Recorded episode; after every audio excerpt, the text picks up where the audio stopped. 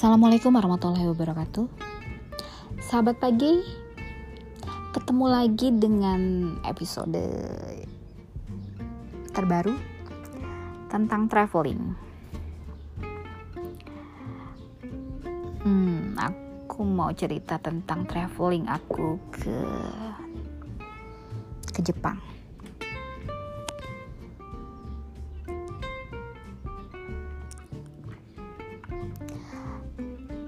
ini adalah traveling pertama yang terjauh. Eh enggak. Kalau traveling terjauh tuh mungkin ke Saudi Arabia tapi ini adalah tanpa agent travel tanpa guide. Benar murni-murni adalah travel yang mandiri jadi mempersiapkan travel traveling ke Jepang ini kurang lebih tiga bulan sebelum keberangkatan. Waktu yang cukup singkat ya. Jadi memberanikan diri untuk membeli tiket terlebih dahulu dibanding mempunyai visa. Serunya di sini adalah uh, pertama adalah bikin paspor elektronik karena salah satu syarat kalau kita mau ke Jepang ada dua pilihan. Bikin paspor elektronik atau kita bikin paspor biasa. Nanti kita bikin visa terpisah. Nah uniknya di sini adalah ya karena karena jujur bahwa saya adalah seorang yang sotoy sotoy tingkat kuadrat. Jadi tanpa mencari informasi yang lebih banyak langsung datang ke imigrasi cabang di Soekarno Hatta di bandara. Berangkat dari rumah itu pagi-pagi banget sebelum subuh kayaknya jam 4 salat subuh di bus kayak mau pergi ke mana aja gitu biasa jam 4 padahal mah cuma mau bikin paspor doang ya sebelumnya udah punya sih paspor biasa tapi ini pengen bikin yang elektronik. Dan harus di Jakarta. Uh, dengan kesotoyan yang super super kuadrat ini datang ke sana nyampe ngobrol sama security dikasih informasi bahwa sekarang itu sistemnya online. Jadi harus daftar dulu online. Nggak bisa langsung datang gitu pengen bikin paspor kayak di Bogor saat itu aku berdua. Jadi aku ngajak teman teman ini juga mau ke Jepang. Nah beres itu bingung kan? Belum daftar online sotoy datang ke imigrasi. Nggak tahu nih ya dalam perjalanan mikir-mikir-mikir oh iya bukannya aku punya teman ya di imigrasi Soekarno Hatta ini. Aku WA lah temen aku. Dan biasa minta tolong lah gitu ya supaya bisa bikin paspor hari ini juga. Satu memang sudah sotoy tapi ya nggak ada salahnya dong kita coba. Pakai doa pastinya. Minta dimudahkan sama Allah mudah-mudahan ada kayak keajaiban lama temen gue membalas WA ini. Kurang lebih satu atau dua jam dia baru balas. Jadi mungkin jam 7 aku WA mungkin jam 9 baru dibalas. Dan posisinya kita sudah berada di uh, arah pulang. Udah berada di terminal 3 untuk antri Damri ke Bogor. Pokoknya judulnya harapannya sudah pupus untuk bikin paspor elektronik di hari itu. Dan ternyata temanku menjawab aku udah nggak di bandara Soekarno Hatta lagi tugas imigrasinya. Sekarang udah di Palembang. Waduh. Iya mungkin karena teman aku ini kasihan kali ya udah jauh-jauh dari Bogor berdua pula pulang dengan tangan kosong akhirnya dia mencoba tem mencoba nelpon temannya yang berada di yang bertugas di bandara Soekarno Hatta. Harap-harap cemas menunggu, kemudian uh, ada informasi kembali setelah 10 menit 15 menit ke depan kami disuruh balik lagi ke imigrasi bandara.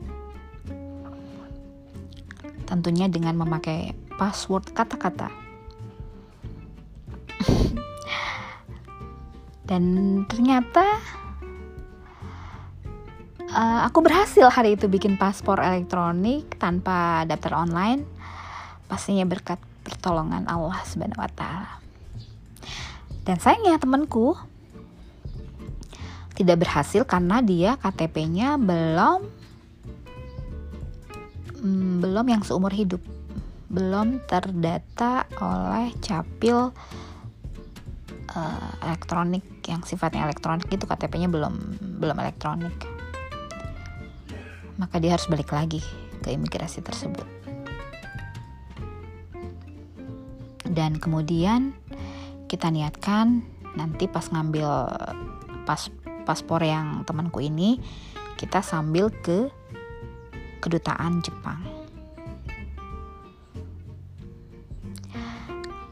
Uh, tapi karena berhubung temanku ini rumahnya jauh, kita berinisiatif. Oke, okay, kita nanti ke kedutaan bikin stempel visa visa yang di stempel aja nanti aku yang ambil. Ternyata Allah telah meskenariokan kepada kita begitu indahnya. Berkat yang dia rumahnya jauh dan aku yang memegang paspornya sampai pada waktu keberangkatan temanku ini ketinggalan jauh banget dari jadwal penerbangan yang seharusnya dia sampai di bandara itu dua jam sebelumnya atau satu jam minimal sebelumnya. Jadi temanku ini nyampe ke bandara 10 menit menjelang pesawat take off. Untung paspornya aku yang pegang jadi dari sedemikian masalah gitu dari awal dia nggak bisa bikin paspor barengan aku jadi harus ngambil lagi ke Jakarta dan dia nggak bisa bolak balik ngambil stempel visa. Akhirnya aku yang pegang paspornya karena aku lebih deket. Aku yang mengambilkan untuk visa ke Jepang yang secara elektronik. Ternyata dia telat pas mau take off penerbangan menjelang 10 menit. Mau take off dia baru sampai di bandara Itulah kuasa Allah yang menakdirkan bahwa kita bisa berangkat bareng-bareng ke Jepang dengan izin Allah. Kebayang aku udah berangkat sendirian gitu ke Jepang tanpa teman, pastinya nggak menyenangkan. Itu adalah salah satu bagaimana kita harus melibatkan Allah dalam segi segala kegiatan kita.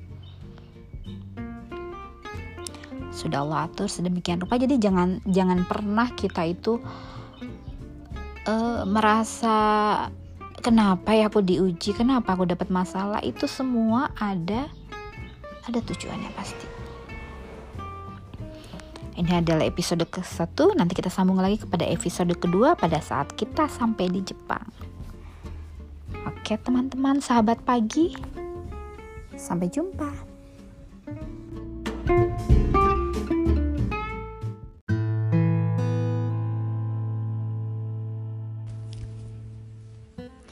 Assalamualaikum warahmatullahi wabarakatuh. Sahabat malam ketemu dengan uh, episode tentang traveling Di season yang kedua.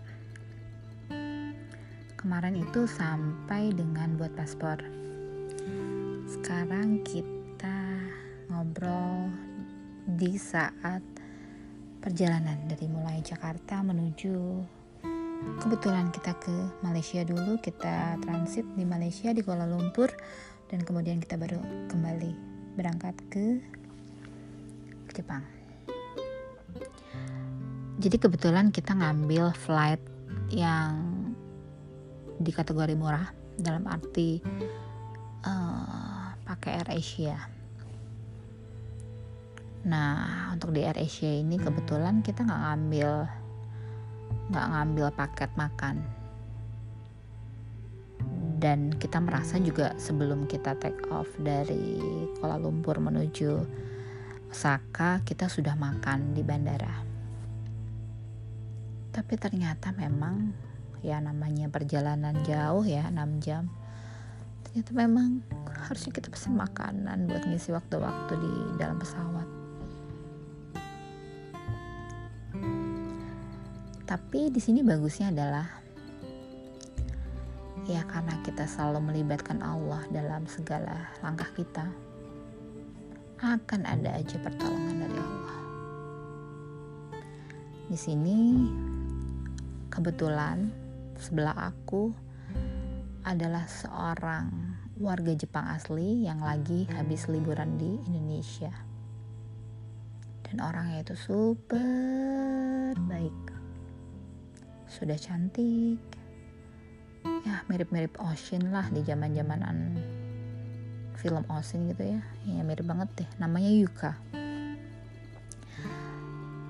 Yuka ini punya kepribadian hangat banget dan dan lucunya dia memberikan makanannya kepada kita karena kebetulan dia mesen gak hanya satu. Dan mungkin dia merasa kasihan kali sama kita yang nganggur-nganggur aja gitu di pesawat nggak makan apa-apa.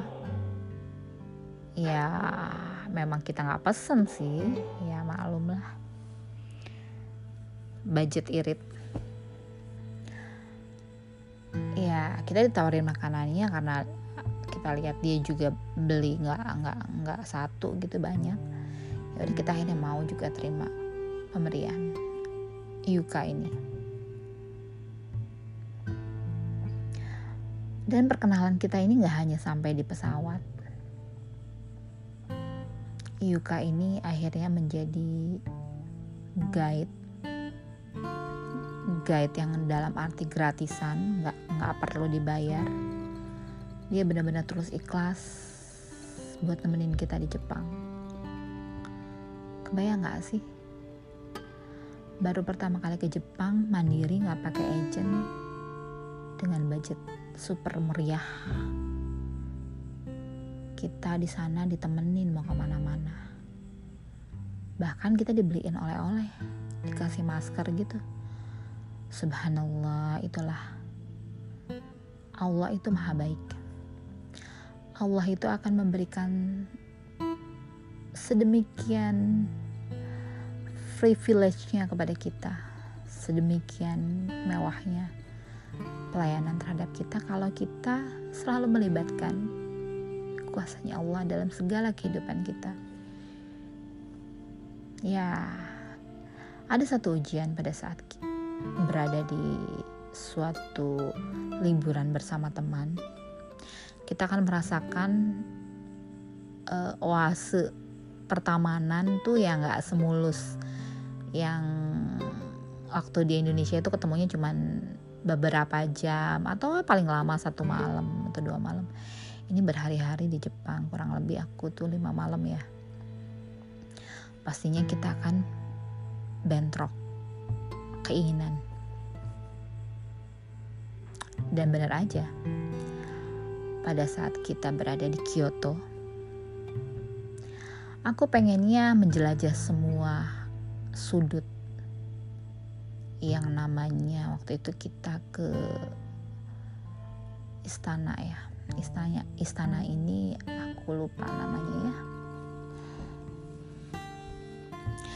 Jadi istana Castle ini adalah uh, salah satu tempat biasanya kalau orang ke sana tuh buat pakai baju adat khas Jepang gitu buat foto di sana pakai kimono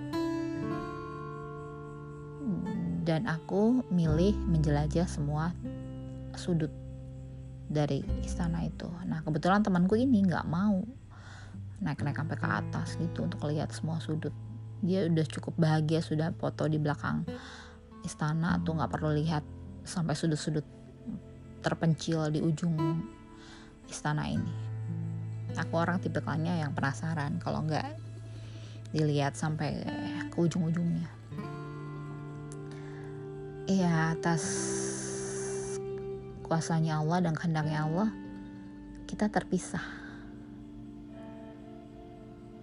Kebetulan wifi dipegang teman aku. Aku nggak pegang sama sekali wifi. Jadi aku hanya bawa handphone doang. Sama power bank. Nah aku merasa titik terakhir kita bertemu adalah pas di tangga di tangga yang tangga pertama kita berpisah dan aku merasa kalau aku mendekati tangga itu, sinyal wifi akan memancar kembali dan akan kencang kembali. Tapi sayangnya satu demi satu tangga aku turuni, tidak ada satupun sinyal wifi yang nyangkut di aku. Pertanda teman aku pasti sudah tidak berada di tempat kita berpisah terakhir.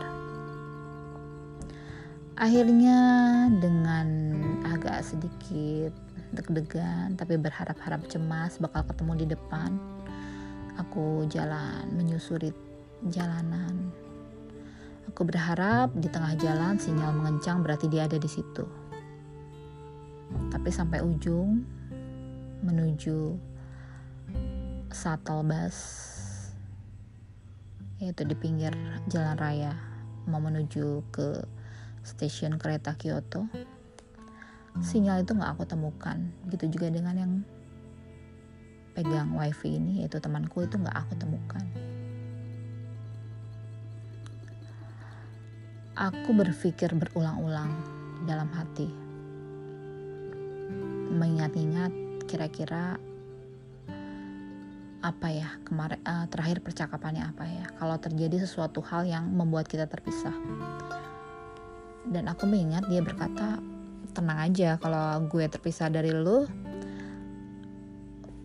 gue cukup naik kendaraan yang tadi kita naikin dan menuju ke stasiun yang uh, tempat pertemuan kita. Nah aku ambil patokan itu. Ya udah aku akhirnya naik naik naik bus menuju stasiun kembali kebayang aku nggak pegang wifi aku gimana cara menghubungi teman aku tapi di sini aku berdoa. Aku berdoa, Jepang boleh gede, Jepang boleh luas, tapi kuasa Allah itu lebih luas dari segalanya. Bagi Allah, Jepang itu kecil. Tidak ada yang akan bisa menandingi kuasanya Allah. Jadi di sini aku minta pertolongan Allah segede apa pun Jepang kalau Allah bikin aku ketemu sama teman aku dan melindungi perjalanan kita, kita pasti ditemukan dan dilindungi. Nah, aku berkeyakinan kayak gitu aja. Akhirnya aku sampailah aku di stasiun dan aku memutar cara gimana caranya aku bisa dapat sinyal wifi karena aku nggak pegang sama sekali wifi dan aku juga nggak punya kuota roaming internasional. Aku nggak daftar. Karena aku merasa sudah pegang wifi buat kita berdua. Kita bisa sharing sharing wifi. Ini buat pelajaran buat yang mau ke Jepang. Sebaiknya kalau ngegrup mendingan punya masing-masing deh biar nggak kayak gini. Karena tidak semua juga orang bisa berpikir cepat saat kondisi panik. Dan aku mau aku mau tercara gimana caranya ya? Oh mungkin di stasiun masa sih nggak ada wifi gitu ya. Sampai-sampai aku ke center tourism di stasiun Kyoto tersebut untuk minta sekadar hanya minta wifi.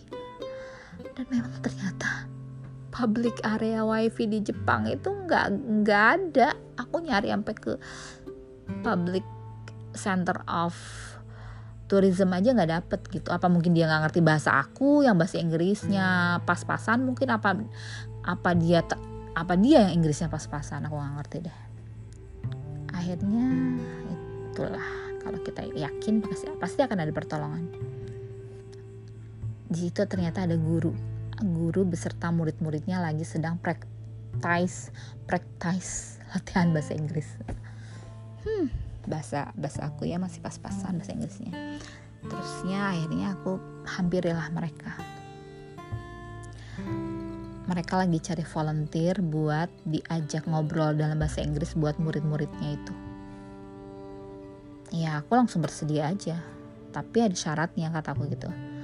Aku nanti minta sharingnya sharing kuota maksud sharing sharing sinyal sinyal buat buat ngehubungin teman aku akhirnya setelah aku menjawab semua pertanyaan itu anak-anak anak-anak yang lagi learning English bereslah mereka bertanya ngapain aku ke Jepang? Ngapain aja? Bla bla bla bla. Aku jawab setelah itu aku minta dong minta dong sinyal wifi nya dapatlah sinyal wifi dan berhubung berhub dan aku langsung kontak temanku itu yang lagi kebingungan pasti nyariin aku. Ya itulah kalau dalam kondisi panik pasti akan terjadi suatu hal-hal yang tidak diinginkan. Dan masya Allahnya teman aku itu saking dalam kondisi panik kehilangan aku dia ngedelete dong aplikasi WhatsApp-nya di handphone dia. Kedelete gara-gara mungkin yang panik banget. Gimana nih kehilangan kehilangan teman di negeri entah berantah jauh dari dari Indonesia udah gitu aku terpaksa menghubungi suaminya. Untuk mencari solusi. Dan ternyata temanku juga ternyata uh, dia juga minta tolong sama orang Indonesia yang berada di sekitarnya untuk bisa menghubungi suaminya yang dia inget nomornya. Nomor aku dia nggak inget dan akhirnya aku berkomunikasi dengan suaminya. Aku bilang tetap tenang tetap tunggu aku di sana aku akan balik lagi ke sana. Aku bilang aku nggak punya kuota jadi tidak akan ada kontak lagi karena aku akan pergi dari stasiun menuju tempat tadi lagi Kiyomezudera di kalau nggak salah nama tempat kastelnya itu. Akhirnya aku menuju tempat wisata tadi lagi. Dan tahu nggak sih itu perjuangan banget. Karena itu nanjak. Itu nanjak kayak ke bukit gitu deh. Rasanya kaki udah lemes banget. Tapi ya karena ini adalah salah satu perjuangan. Ya aku harus jalanin. Seberat apa pun seperih apa pun kondisi lecet juga kaki memang lagi lecet. Karena aku pakai kos kaki yang gak pakai jari-jari jadi ya melepuh lah kaki aku. Tapi aku paksain juga. Paksain naik sampai ke atas untuk ketemu tempat kita berpisah. Ya itulah kuasa Allah. Lebih besar dibandingkan Jepang. Ya kalau Allah mau membuat kita kesas apa terpisah bisa aja. Tapi kok nggak kebayang. Yang pegang alamat hotel ya aku yang pegang tiket hotel juga aku. Kebayang dong dia juga nama hotelnya dia nggak akan tahu di mana kita menginap. Karena semua yang pegang akomodasi ya aku. Sudah lah pokoknya intinya aku sudah sampai di tempat terakhir kita berpisah. Aku titip pesan sama suaminya bahwa supaya dia berdiri di tempat yang bisa dilihat orang banyak gampang dilihat yang agak-agak menyolok gitu deh dan benar dia berdiri di tengah-tengah tangga teratas dengan kondisi mata yang berkaca-kaca. Duh lemas seneng bisa ketemu lagi. Tapi aku merasa bersalah dan memang aku disalahkan. Ya tapi intinya ini udah ketemu tidak ada yang perlu harus disesali dan ini dijadikan suatu pelajaran dan ini menjadi komunikasi kita menjadi lancar kembali. Jadi beberapa hari ini nih kita agak-agak tegang memang karena kita nggak biasa nih berhari-hari bersama-sama.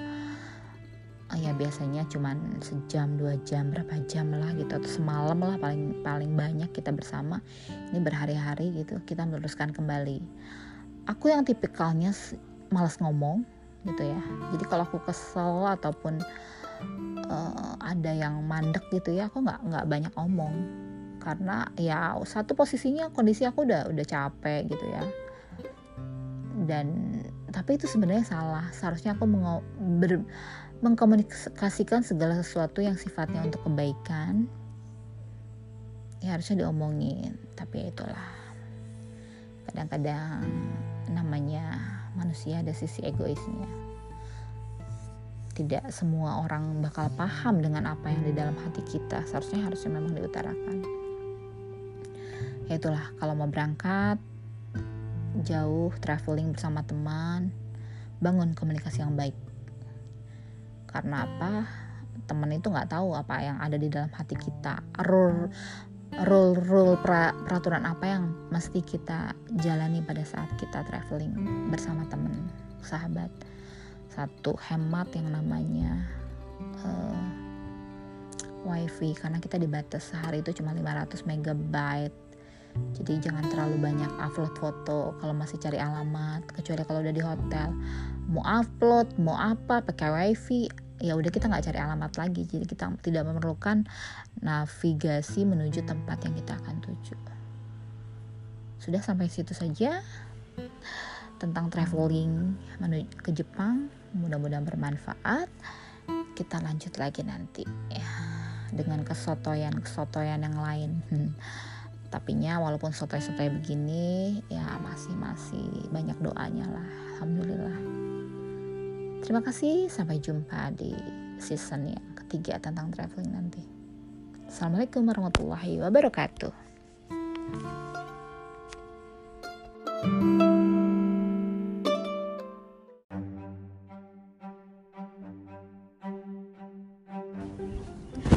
Assalamualaikum warahmatullahi wabarakatuh. Senang sekali bisa ketemu di pagi hari yang begitu indah, begitu seger banget, fresh. Uh, ditambah banyak suara burung berkicau di pagi hari. Saat ini aku mau menceritakan tentang pengalaman aku ke Korea. Seorang diri. Jadi uh, solo traveling ini terinspirasi oleh seorang teman. Seorang teman ini aku temui pada saat aku di Jepang kemarin. Jadi pas aku di Jepang kemarin aku ketemu yang namanya uh, seorang wanita single. Namanya itu aku ingat namanya. aku lupa ya.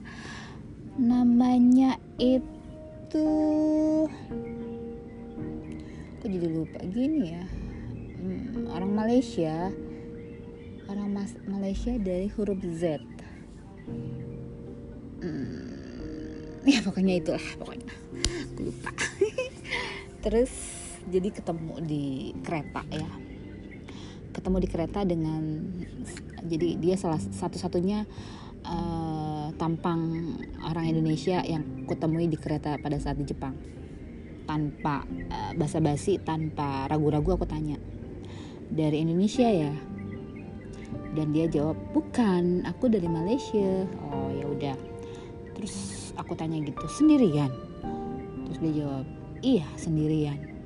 Kok bisa? Terus dia bilang ya udah biasa ini adalah perjalanan yang keberapa gitu solo travelingnya. Udah gitu uh, beres dari situ aku kita tukeran nomor telepon.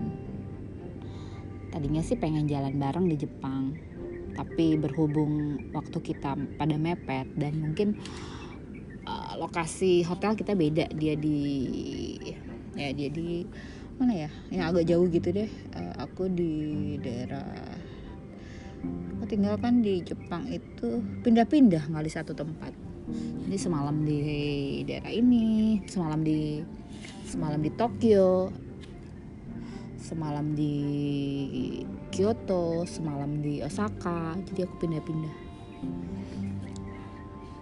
Udah gitu uh, sempet aku ngunjungin dia di Sabah di Malaysia di Kinabalu.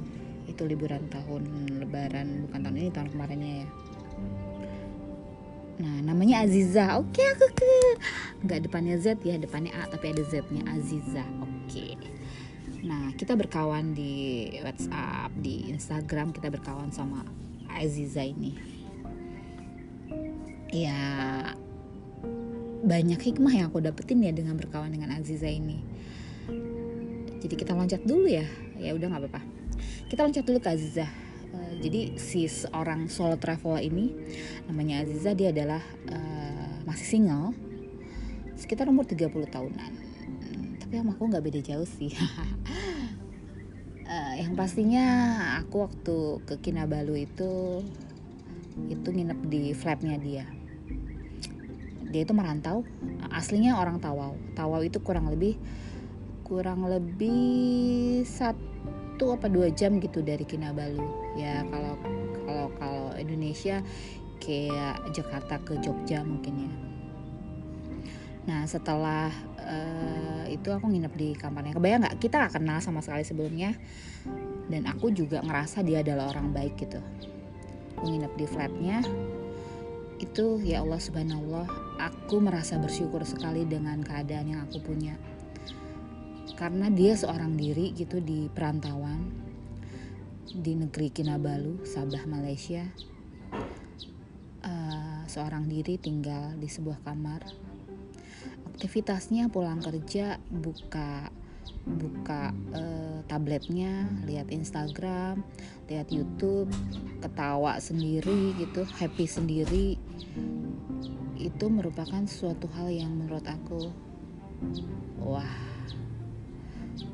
ya menghabiskan kehidupan sehari-harinya dengan rutinitas yang kerja gitu. Terus pulang ke rumah kadang-kadang dia belanja shopping kadang-kadang nonton sama temen-temennya atau kadang-kadang makan sama temen-temennya. Tapi yang jelas aktivitas yang aku tahu dia sampai di rumah itu dia asik dengan tabletnya lihat-lihat yang dia suka gitu. Uh, entah itu apa candaan entah itu stand up atau apalah pokoknya jelas yang dia suka atau Instagram dia tuh tidur. Uh, aku tuh nggak biasa nggak nggak biasanya suka banget yang namanya sama kipas angin. Dia itu nyalain kipas angin karena memang di Kinabalu itu panas banget ya karena dia deket-deket laut deket-deket pantai gitu nggak jauh dari dari pantai. Itu panas banget. Ya aku bener-bener harus menyesuaikan kondisi dengan uh, kamarnya waktu itu ya udah kipas angin dengan suaranya yang kenceng ya. Bunyi jadi kipas anginnya tuh. Terus udah gitu dengan udara yang panas dan semua jendela tertutup. Kalau di rumah senangnya tidur itu dengan udara fresh. Nggak mau pakai AC tapi dengan udara fresh benar-benar sirkulasinya masuk udara. Jadi gede-gede itu harus angin tuh masuk. Udah gitu tapi angin asli ya bukan angin kipas angin. Setelah itu uh, aku berasa bersyukur aja harus merasakan apa yang dirasakan Aziza itu aku rasain. Gimana hidup mandiri seorang diri di kota besar jauh dari keluarga harus enjoy sendiri menikmati hidup dan hari-harinya sendiri. Dan pengalaman Aziza tentang solo travel ini menginspirasi aku untuk jalan-jalan juga sendiri ke kota ke negeri ya yang jauh yang nggak pernah aku datangi yang nggak pernah aku tahu. Jadi aku beranikan ke Korea sendiri di bulan Januari kemarin. Jadi aku hunting tiket itu kurang lebih sekitar Desember ya Desember Desember awal gitu. Eh enggak ding. Uh, eh pokoknya Desember aku hunting Januari aku berangkat. Uh, aku juga apply visa sendiri ke kedutaan Korea dan itu mudah ternyata. Jadi syarat-syaratnya kalau ingin ke Korea itu kita harus punya persyaratan lengkap terutama yang menyangkut kita harus punya yang namanya uh, sertifikat alias punya rumah sendiri jadi itu akan uh, meyakinkan kedutaan Korea bahwa kita nggak akan kerja di sana. Ya kalau bagus lagi kita punya STNK karena itu akan uh, meyakinkan buat mereka. Ya yang, yang penting bagi Korea adalah uh, bagaimana penghidupan kita di Indonesia. Yang pastinya kita bukan mencari pekerjaan di Korea. Intinya itu. Jadi hal-hal yang sifatnya surat-surat yang lain dia nggak penting sih. Yang penting itu bahwa kita punya uh, kehidupan yang pastinya cukup baik di Indonesia. Uh, udah gitu dan di approve jadi uh, visa aku di approve alhamdulillah aku udah beli tiket kebayang kalau nggak di approve. Dan aku juga sudah pesan hotel. Hotel aku terus terang uh, aku pilih yang sangat sangat sederhana. Seperti hal kayak di Jepang kemarin aku pilih kayak hotel kapsul gitu yang cukup dengan satu tempat tidur kayak dormitory gitu. Kayak dari pesantren lah. Tempat tidurnya bertingkat-tingkat gitu sekamar tuh berempat. Cewek semua. Dan aku memilih itu. Satu hemat kedua juga ya banyak banyak kisah pastinya aku ngobrol dengan sebelah gitu. Beradaptasi dengan berbagi dengan orang lain. Berbagi kamar mandi walaupun satu walaupun satu kamar tuh kamar mandinya satu sih kayak gitu aku berangkat dari Indonesia tuh dari Jakarta itu kayaknya oh ya sore ya. Ah, enggak malam jam 9 malam. Dari Jakarta jam 9 malam naik pesawat jam 9 nyampe di Malaysia eh nyampe di loh kok jam 9 malam ya? Enggak enggak enggak jadi aku tuh nyampe ke Korea itu jam 10 pagi. Nyampe ke Korea itu jam 10 pagi. Terus uh, ya di pesawat nyaman-nyaman aja sih ya. Walaupun aku agak sedikit takut pesawat sebenarnya. Udah gitu nyampe di, uh, di Korea jam 10 pagi itu situasi kondisi di Korea itu di luar dugaan tahu sih lagi musim dingin lagi musim salju. Tapi ternyata dinginnya itu ya walaupun dengan dengan perlengkapan yang udah pakai uh, jaket bulu angsa itu dingin banget terutama ke kepala. Dan aku nggak pakai penutup kepala cuman pakai kerudung gitu doang. Nah di situ uh, kesulitan pertama yang aku dapetin adalah di Korea itu tidak bisa pakai namanya Google Maps. Dia punya Maps tersendiri. Apalagi Apple Maps nggak bisa dipakai. Jadi percuma buka-buka Google Maps. Baiknya disimpan aja tuh Google Maps. Uh, udah gitu aku cari hotel. Sebenarnya itu hotel deket banget dari tempat stasiun aku keluar. Tapi ternyata ya itulah ujian pertama aku masuk Korea aku diajak muter-muter dulu ngelilingin uh, apa ya ya daerah perbelanja, perbelanjaan Myeongdong. Hah, padahal kalau udah tahu tuh hotelnya di situ mah ya ampun gampang banget. Tapi yang namanya Allah pasti memberikan ujian kepada hambanya di hari pertama dia sampai di Korea di negeri orang. Hmm, terus sampai kamar gitu aku kedinginan aku diminta dinaikin suhu kamar. Karena memang itu sekitar minus satu atau satu derajat. Wah, pokoknya dingin banget deh. Setelah sampai di Korea setelah sampai di dalam kamar ya aku lapar. Pengen cari makan dulu. Jadi aku simpan dulu koper simpan simpan semua tas aku apa, apa yang aku bawa hanya handphone dan pastinya paspor aku aku bawa. Udah gitu aku cari makan dulu. Terus udah gitu aku cari makan tentunya cari yang halal ya yang ketemulah si baby octopus gitu ya si baby octopus gitu. Sejenis gurita kali ya. Ya pokoknya makanan yang jenis jenisnya pokoknya ikan deh gitu ya.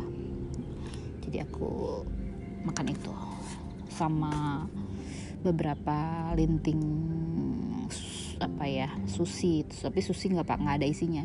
Cuma nasi sama kulit uh, rumput laut gitu deh. Sudah beres. Dari situ aku menikmati malam dengan yang namanya baru sampai ke negeri orang seorang diri kayaknya aku agak-agak uh, nervous ya. Nervous. Kayak kayak ngadepin pandemi ini kayaknya dia kayak berasa nggak bisa napas gitu. Padahal mah bisa napas. Tapi itu adalah penyesuaian terhadap situasi kondisi yang nggak nyaman pada dasarnya. Hmm, tapi di situlah aku ya berdoa pastinya uh, untuk diberikan kelapangan diberikan kemudahan. Dari awal niat aku ke Korea adalah salah satu aku ingin menikmati melihat ciptaan Allah di negeri sebelah sana.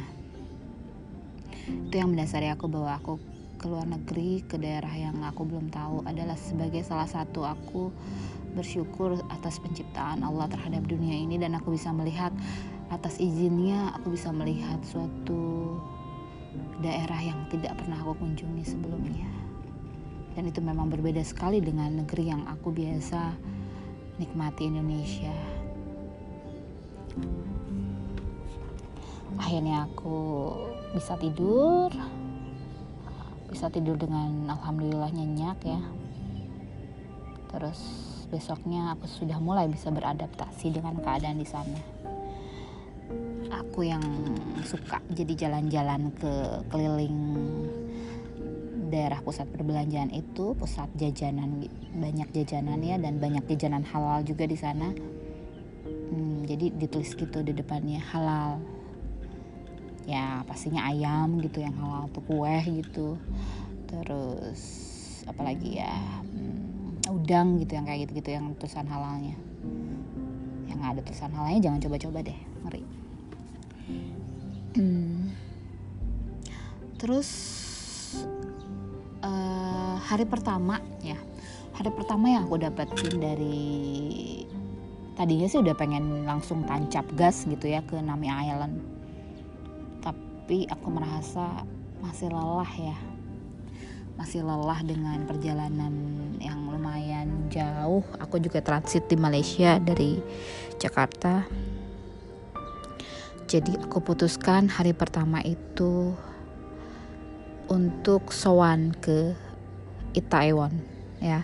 Jadi di Korea itu ada salah satu masjid besar namanya Masjid Itaewon.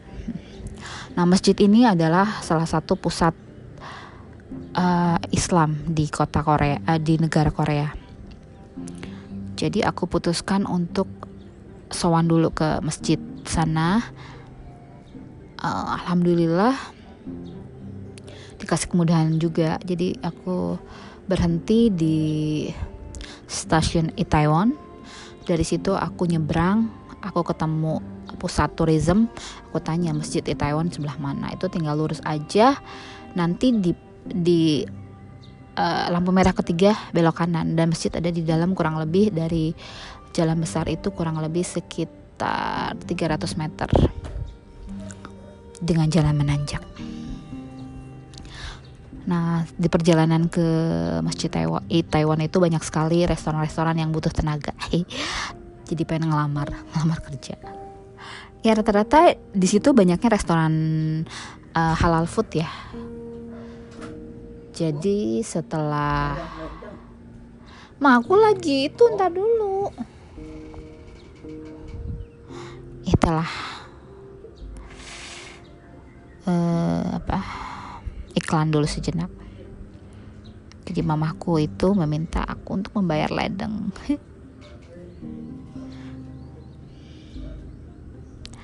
Setelah itu sampai di Masjid Itaewon, aku salah masuk ke tempat laki-laki. Akhirnya enggak jadi pindah ke lantai atas tempat perempuan. Di situ aku nunggu sholat zuhur. Ya, mama melakukan beberapa hal-hal yang aku harus kerjakan sebelum sholat zuhur. Beres dari situ, aku menikmati halal foodnya Itaewon. Jajanan-jajanan eh, pinggir jalan gitu tapi dengan label halal ya itu enak-enak banget murah enak aduh dan makannya pun uh, menjadi apa ya menjadi enak aja karena udah jelas sertifikasinya halal. Dan murah lagi enak lagi. Beres dari Itaewon aku balik lagi ke hotel. Masih ada waktu nih kurang lebih aku nyampe ke hotel itu asar ya. Asar terus setelah beres asar aku tanya ke resepsionis kalau mau ke Namsan Tower jauh nggak oh dia kasih peta tuh. Lurus uh, per, uh, pertemuan perempatan kedua belok kiri. Oke. Okay. sampailah aku di Namsan Tower. Hi, itu tinggi banget. Jadi aku harus naik kabel car menuju tower itu. Namsan Tower ini sering banget dipakai buat drakor-drakor Korea. Kebetulan aku nggak pernah nonton drakor Korea selama ini. Jadi nggak tahu bahwa itu adalah tempat bersejarah buat ya pecinta-pecinta drakor bahwa di situ sering dipakai buat bikin drama Korea. Pastinya drama romantis. Nyampe di Namsan Tower aku naik naik naik naik ke paling atas. Wah indah banget itu dari atas. Kabut terus kemudian sunset terlihat dari situ. Kota Myeongdong yang kemerah-merahan dengan diliputi kabut asap yang sudah mulai meliputi daerah tower tersebut udara dingin yang sangat menyengat. Terus kemudian aku melihat ada toko boneka yang lucu-lucu banget dan gak terlalu mahal menurut aku ya. Uh, apa? Boneka di Korea itu mungkin karena tempat asal mulanya uh, industri boneka itu dimulai dari Korea ya balik lagi jadi ingat bos-bos aku yang berasal dari Korea dulu yang mengajarkan mengajarkan aku banyak tentang ilmu boneka. Ini adalah salah satu tujuan aku sebenarnya. Ingin tahu asal negeri di mana aku banyak menimba ilmu dari orang Korea tentang usaha aku yang aku geluti saat ini.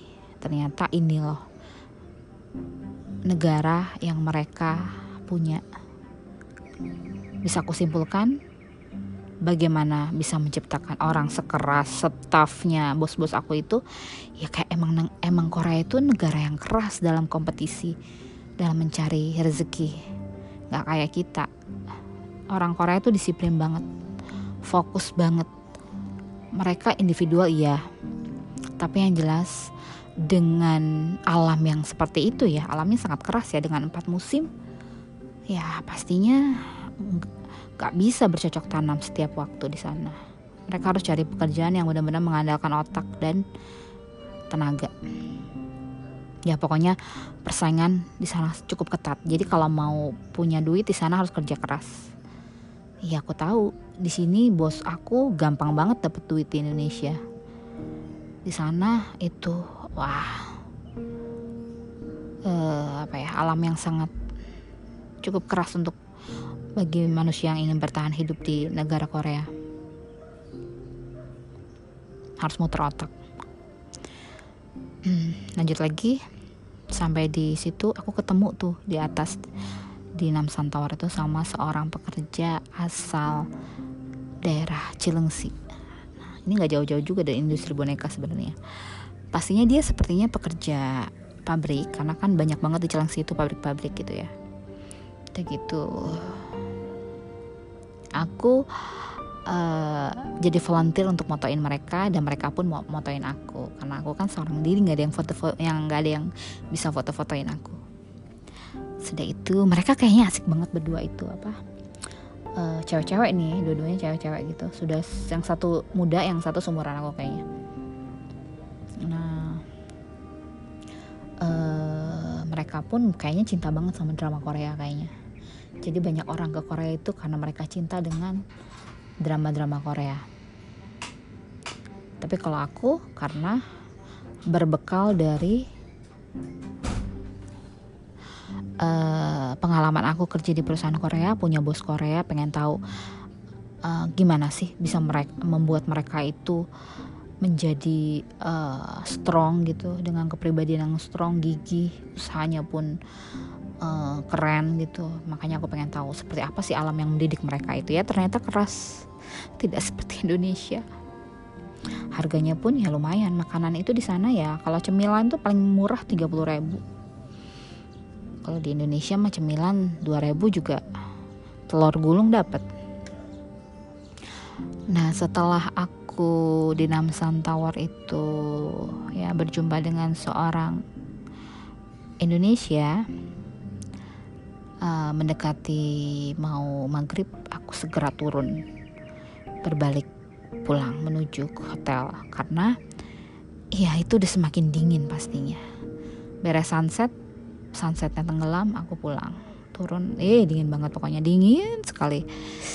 Huh, pokoknya harus cepet-cepet deh masuk ke cable car gitu. Karena di cable car agak anget.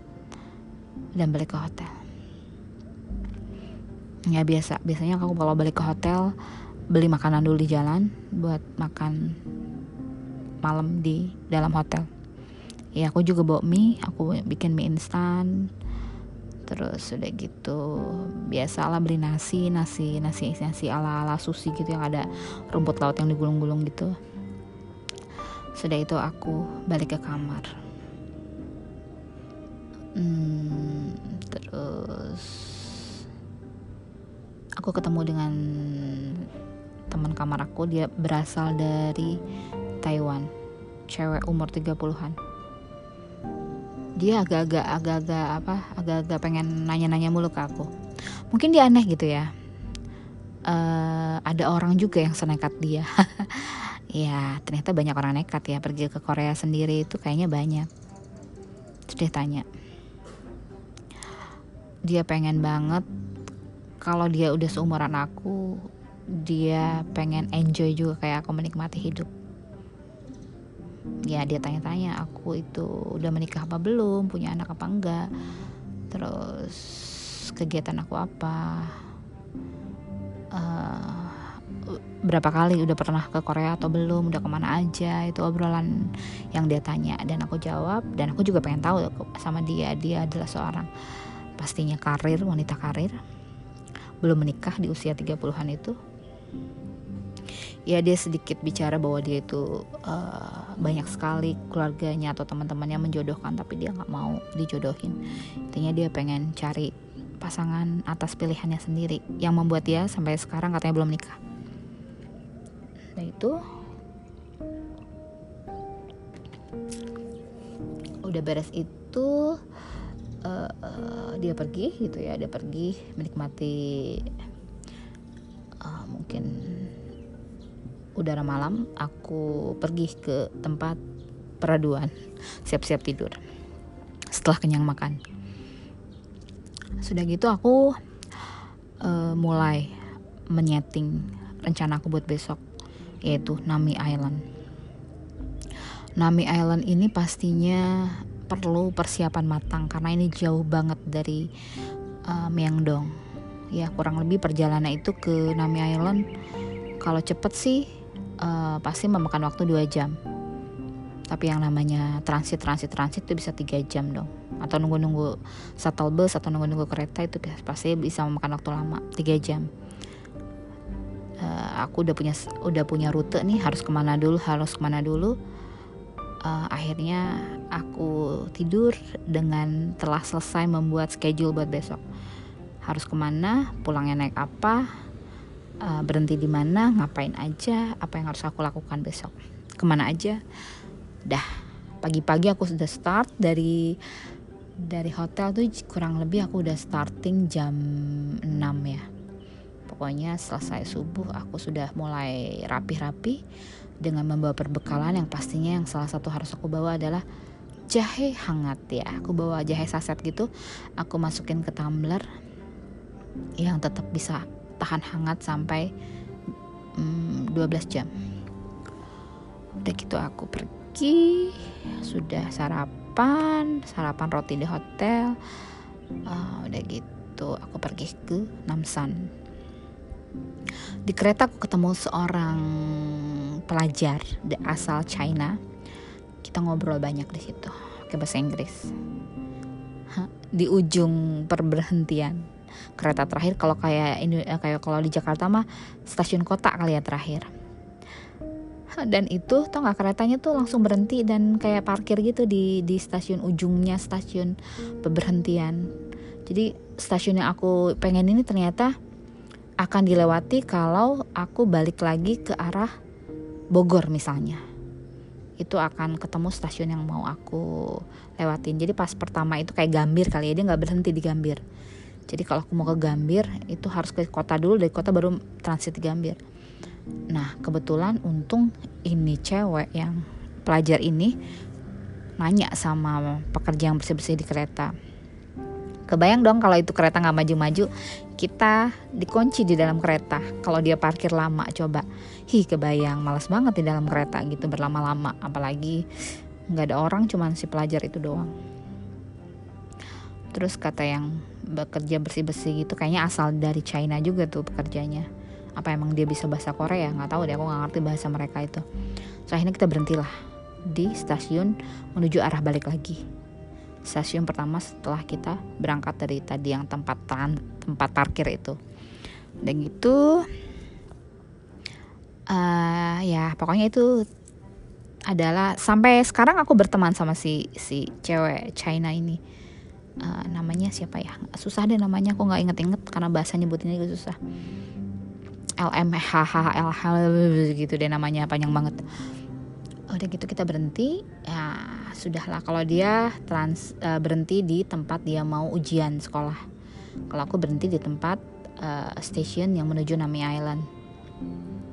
Sampailah aku di stasiun Nami uh, tempat aku mau ke Nami Island. Dari situ aku harus naik bus yang sifatnya kayak bus travel gitu dia keliling-keliling daerah-daerah di situ dengan uh, beli satu tiket tapi untuk PP pulang pergi. Di dalam uh, bus aku turun dan nyampe di Nami Island di Darmaga yang mau kita uh, nyebrang ke Pulau Nami ini. Di situ aku ketemu dengan dua dokter asal Tangerang. Dua-dua dokter ini adalah dokter uh, IGD RSUD Tangerang. Ya itulah. Kalau uh, Allah Allah itu maha baik. Jadi mereka itu menjadi guide aku di di, di Nami Island. Aku diajak makan bareng aku difotoin aku di uh, ah pokoknya Allah maha baik menjadikan dua orang ini sebagai teman aku di Nami Island uh, semuanya menjadi indah kenapa kita sharing makan? Uh pokoknya aku tahu oh makanan ini yang enak makanan ini yang enak. Makanan ini kita diajak aku diajak ke resto halal di situ dan makanannya enak-enak banget. Mahal sih tapi karena kita sharing bertiga semua bisa kecicip tapi jadi murah. Tapi yang paling uh, menjadi menjadi yang nggak berharga yang tiada tara adalah di situ adalah pengalaman yang aku dapetin dari makanan dari tempat dari tempat-tempatnya dari hmm, apa? Uh, ya kalau dia sih ngerti banget tentang drakor ya. Karena memang pecinta banget uh, drakor. Tapi kalau aku kan nggak ngerti. Nggak ngerti drakor. Jadi aku nggak tahu bahwa tempat ini adalah mengandung banyak makna yang aku tahu. Aku pengen tahu alam Korea itu seperti apa ya bagus sih memang nggak ada di Indonesia penampakan seperti itu. Tapi kalau bagi orang drakor tahu oh ini tuh tempatnya si ini lagi lagi uh, adegan gimana gitu Winter Sonata. Kalau aku nggak tahu. Beres dari situ kita pulang bareng.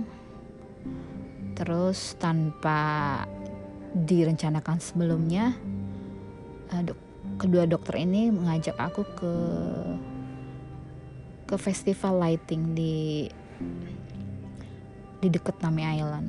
Aku pengen banget sih sebenarnya ke situ. Aku tahu bahwa di situ ada festival lighting, tapi aku juga nggak punya nggak punya apa uh, kepastian mau ke situ atau enggak kalau seorang diri. Yang penting Nami Island deh. Tapi karena di karena diajak ke sana ya udah aku aku ikut.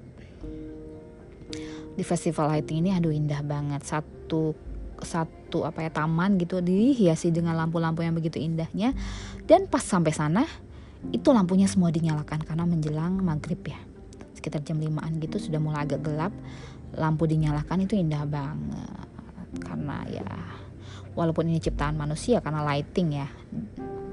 Tapi di dipadu-padankan dengan alam Korea yang kering banget karena musim mendekati musim salju walaupun bentar saljunya belum turun tapi itu akan itu menjadi indah. Salah satu ya ya bersyukur aja sih satu di ada temannya ke situ ya.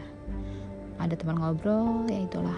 Allah memberikan kebaikan-kebaikan yang tak disangka-sangka.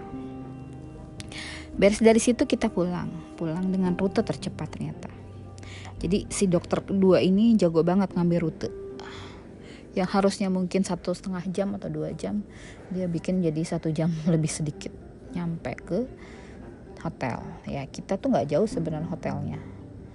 Deket tante di Myeongdong tapi beda stasiun aja. Kalau dia keluar di stasiun di pintu 7 mungkin kalau aku di mungkin di pintu 5 beda-beda pintu doang. Beres dari situ. Dari Nami Island beres tuh. Ketiga aku ke mana ya? Hari ketiga itu kayaknya aku uh, ke daerah oh iya aku ke istananya namanya Gyeongbokgung Palace. Jadi aku tuh waktu di Jepang tuh aku nggak nggak ngerasain namanya pakai baju adatnya orang Jepang tapi di sini aku pengen pengen ngerasain pakai baju ala ala uh, princess Korea jadi aku agak-agak siang gitu aku paginya tuh ke santai-santai di hotel nikmatin jajanan pagi di hotel gitu. Uh, hotelnya sih ada sarapan. Tapi yang pastinya aku leha-leha lah sampai sekitar menjelang uh, jam 10-an aku baru berangkat. Apa jam 11 ya dari hotel untuk menuju Gyeongbokgung Palace aku dapat nyawa baju Korea gitu uh, baju princess princess Korea gitu. Dan aku difoto lah di depan istana jadi berasa kayak permaisuri di masa-masa dahulu. Masih ada raja-raja yang uh, pokoknya ala-ala Korea gitu deh ala-ala zaman dulu.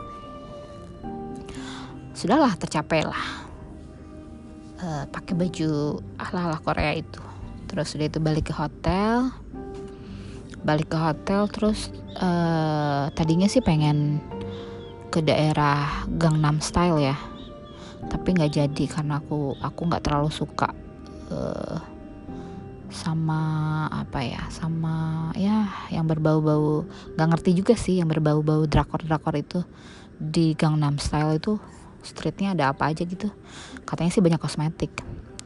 Ya tapi aku sih nggak berniat beli kosmetik. Ngapain beli kosmetik ke Korea di Indonesia juga banyak. Ya tapi yang namanya buat oleh-oleh harus jadi aku nyari aja di sekitar pertokoan di deket-deket hotel. Ya, emang murah-murah sih. Itu biasanya aku beli uh, apa sabun muka face up kalau di sana sih namanya Banana Rep Republik Banana apa Banana Republik ya? Itu keren banget tuh tuh merek buat bersihin muka. Kalau aku sih paling suka bersihin muka ya karena cocok kalau aku dipakai pakai uh, bersih muka facial wash dari Face Off atau Banana Republic ini yang gak ada di Indonesia kalau Banana Republic ya. Itu aku nggak jerawatan. Tapi kalau pakai yang lain ini daerah T nih jidat gitu hidung tuh udah banyak ya jerawat-jerawat komedo udah kecil gitu. Ya itulah cocok kali ya. Ya di situ aku mulai tuh beli-beli oleh-oleh buat orang tua gitu buat teman-teman teman-teman sahabat buat karyawan aku. Ya aku beliin kaos aja kaos kaos gambar-gambar Korea gitu.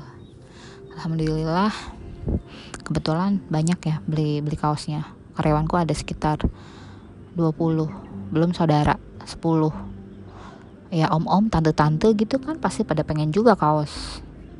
Penuh lah koperku. Untung aku itu kalau ke mana-mana tuh ya nggak pernah bawa baju banyak jadi aku paling bawa baju dua tiga biji doang. Uh, atasan tuh biasanya tiga bawahan tuh dua. Kalau perlu aku cuci aku cuci di hotel. Karena aku pikir aku harus bawa sesuatu buat orang-orang yang nungguin aku cie nungguin. Emang nungguin? Enggak ya. Jadi aku uh, isi koperku tuh untuk oleh-oleh untuk mereka terus buat sahabatku tuh aku beliin kosmetik ya kayak face off itu. Facial wash lipstick gitu. Terus pokoknya kosmetik kosmetik gitu deh. Buat karyawan aku aku beliin uh, t-shirt. Om amo aku aku beliin t-shirt. Untuk ayah aku aku beliin sandal Korea gitu deh. Yang pastinya kuat banget kayaknya terus aku beliin sweater juga gitu deh. Terus uh, adik adik angkat aku juga aku beliin sweater gitu deh. Ya pokoknya untuk orang-orang terdekat aku beliin yang spesial. Tapi buat orang-orang yang biasa-biasa aja aku beliin paling t-shirt atau kosmetik. Beres tuh urusan oleh-oleh udah beres semua. Penuh lah itu koper aku ya. Nah, terus sudah gitu hari terakhir besok aku hari ke keempat ya hari keempat itu aku harus benar-benar uh, balik. Uh, ke tujuan utama aku adalah membeli peralatan yang aku bisa gunakan untuk produksi aku yaitu jarum finishing. Jadi tuh uh, jarum untuk menjahit boneka ini yang bagus tuh memang dari Korea. Selain tajam dia nggak mudah karatan tandanya di ujungnya itu ada warna gold gold plated gitu ujungnya Nah, aku di aku dapet dong di 6 Diamond Market, salah satu pasar tradisional di Korea. Tapi dia juga banyak menjual grosir-grosir gitu. Nah, aku belilah jarum finishing itu. Yaitu salah satu tujuan utama aku ke sana. Kalau nggak beli jarum itu sayang banget karena cuma ada di Korea. Beli banyak deh pokoknya buat stok dijual lagi sih di sini bisa pasti untung banget tuh kalau aku jualan jarum. Karena di di sana itu aku uh, beli uh, mungkin kalau nggak salah 10 biji itu harganya cuman 25.000 jadi satu jarum tuh sekitar 2.500 kalau di sini mungkin satu jarum bisa 5.000 di Indonesia. Ya udah terus udah dapet tuh jarum kebalik itu tau nggak sih udah mana mana duit aku juga ya. Aku pikir bisa pakai aku ngambil di ATM ya ternyata nggak bisa. Bisanya pakai kartu kredit.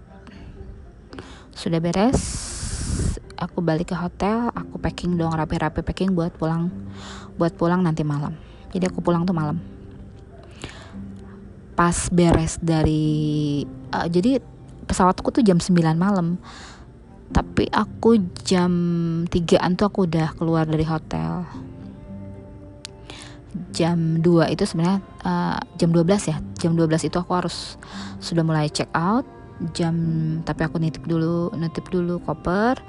Jam 2 jam 3 aku langsung berangkat ke airport. Untung aja ya aku tuh agak prepare lebih jauh dari jam keberangkatan. Ternyata itu kalau untuk pulang aku harus kayak keliling kota ya. Satu bandara itu kayak keliling kota. Jadi uh, terminal sekian tuh jaraknya jauh-jauh. Terminal satu ter ke terminal ke, aku ada di terminal 7 kalau nggak salah ya. Terminal 7 itu dari terminal satu udah kayak dari sini ke mana ya? Ya jauh deh pokoknya. Jadi kayak Jakarta satu bandara tuh kayak Jakarta gitu ya. Banyak banget stasiunnya. Jadi kalau mau ke stasiun 7 yang aku mau take off itu kayak dari misalnya Depok turun-turun lagi di uh, di Gambir kali ya. Eh pokoknya jauh deh. Pokoknya kayak satu kota gitu. Ya nggak nggak jauh-jauh nggak segambir amat sih ya. Pokoknya um, untuk menuju stasiun itu udah kayak kota. Antara sta, uh, antar terminal satu dan terminal lainnya itu jauh. Untung aku prepare karena itu harus melewati berbagai macam uh, pos-pos gitu ya dan antrinya itu bukan main panjang banget. Ya pokoknya judulnya aku menikmati banget tuh di bandara dari sore sampai dengan jam 9 apa jam 10 malam aku baru take off. Hmm, dengan situasi kondisi koper udah penuh berat dong ya. Dan aku terpaksa masukin itu ke bagasi dan harus membayar cukup mahal. Tahu gitu aku pesan bagasi aja ya ya tadinya sebenarnya bisa-bisa aja sih aku bawa tank-tank gitu tapi aku pengen lebih santai di kereta di apa dari satu terminal ke terminal lain. Nanti juga aku terus transit di Malaysia kan ya untuk sarapan dan untuk sholat subuh. Jadi aku harus nggak mau bawa nggak mau bawa bawa koper. Jadi aku masukin bagasi aja. Nggak apa-apa bayar mahal yang penting ya siapa tahu juga aku nggak bawa oleh-oleh kan. Aku berjaga-jaga kalau nggak bawa oleh-oleh aku nggak bakalan masukin itu ke bagasi. Tapi ternyata aku bawa oleh-oleh banyak berat ya udah aku masukin bagasi. Sampai di sampai di Malaysia pagi hari ya aku sholat subuh dulu. Aku santai dulu tuh di musola enak banget di musola nggak ada orang ya. Jadi aku bisa bisa stretching bisa melemaskan otot-otot. Ah, nggak tidur sih ya udah gitu cari sarapan. Udah tuh siap-siap lagi masuk ke pesawat. Nah kebetulan aku tuh dapat tempat duduk yang agak ke depan gitu kayaknya kelas bisnis gitu ya. Padahal sih aku nggak mesen kelas bisnis karena berhubung mungkin bagasi aku itu bayarnya cukup mahal jadi aku kali ditaruh sama si sama si apa uh, sama si bagian yang nanganin aku waktu cek in tuh di uh, depan itu dikasih tempat duduk yang paling depan kayak kayak kelas bisnis gitu deh gitu. Dan ini biasanya kalau kelas bisnisnya kan dipanggil paling paling pertama ya. Urutan nomor uh, tempat duduk depan diharap segera maju gitu. Dan aku baru kali itu tuh naik naik apa merasakan dipanggil duluan. Biasanya kan aku dipanggil terakhir-terakhir gitu. Ya lagi lagi beruntung sih mungkin. Tapi setelahnya jadi nggak beruntung. Kenapa? Karena nah karena aku udah dipanggil duluan tuh untuk urutan nomor sekian silahkan maju ke depan. Ya udah aku berbaris di depan bersama orang-orang kayaknya eksekutif eksekutif gitu ya karena banyak banyak yang pada duduk di kelas bisnis. Terus udah gitu aku ikutlah sama mereka. Ya aku karena dipanggil yang ikut aja emang urutan aku nomornya nomor tiga gitu ya masa sih aku di belakang? Ntar aku susah masuknya ke dalam. Eh gak lama gitu ya ada yang teriak-teriak dari belakang dengan bahasa Inggris mereka bilang gini, hey rich people gitu, nggak tahu apa nih ada yang pakai kursi roda mau lewat, jangan halangin jalan dong gitu, ya kayak gitulah bahasa bahasa kasarnya. Terus aku sih ya nggak tahu ya, maksud aku gini, ya kalau mau minta jalan kenapa harus marah-marah, kenapa harus keras-keras gitu, bilang aja excuse me gitu ya, ada yang mau lewat nih, tolong tolong dong kasih jalan gitu kan bisa ya tapi nggak usah kayak gitu rich people segala macam. Ih nggak tahu aja gitu ya. Aku mah pesannya ekonomi kebetulan aja lagi dapat bager gitu ya dapat yang depan. Nah kebetulan di rombongan aku kayaknya ada yang tersinggung gitu bapak-bapak tersinggung gitu di di apa di dikasih peringatan agak dengan suara keras gitu ada yang kesinggung. Akhirnya ngelapor lah sama uh, petugas di bandara di petugas di dalam pesawat kami bahwa ada orang yang uh, ya istilahnya ya sebenarnya sih kalau mau mau minta permisi gitu pelan-pelan aja ngomongnya. Dan nggak nggak usah juga pakai acara uh, ya kalau nggak suka dengan dengan kata-kata saya silahkan laporkan. Nah bener-bener dilaporin. Waduh jadi suasana tegang nih di dalam pesawat. Jadi pas kita sudah sampai di dalam pesawat gitu si bapak tadi yang teriak-teriak itu tuh langsung diamankan. Dalam arti disuruh turun dari pesawat. Karena mungkin akan mengganggu kenyamanan dalam kita saat nanti terbang gitu. Takut berantem juga kali ya. Karena yang salah satu uh, orang-orang yang diteriakin sama bapak itu nggak suka kayaknya dengan cara si bapak itu menegur untuk memberikan jalan kepada orang yang pengguna kursi roda.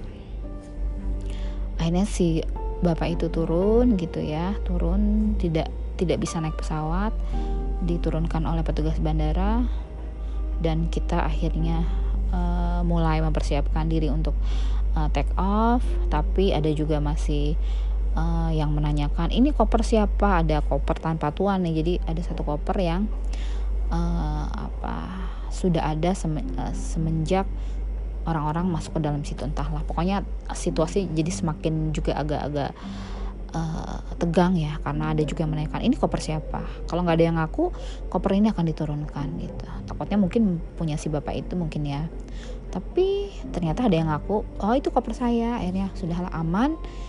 Kita langsung mulai uh, memasang seat belt dan akan menuju Jakarta sesegera mungkin.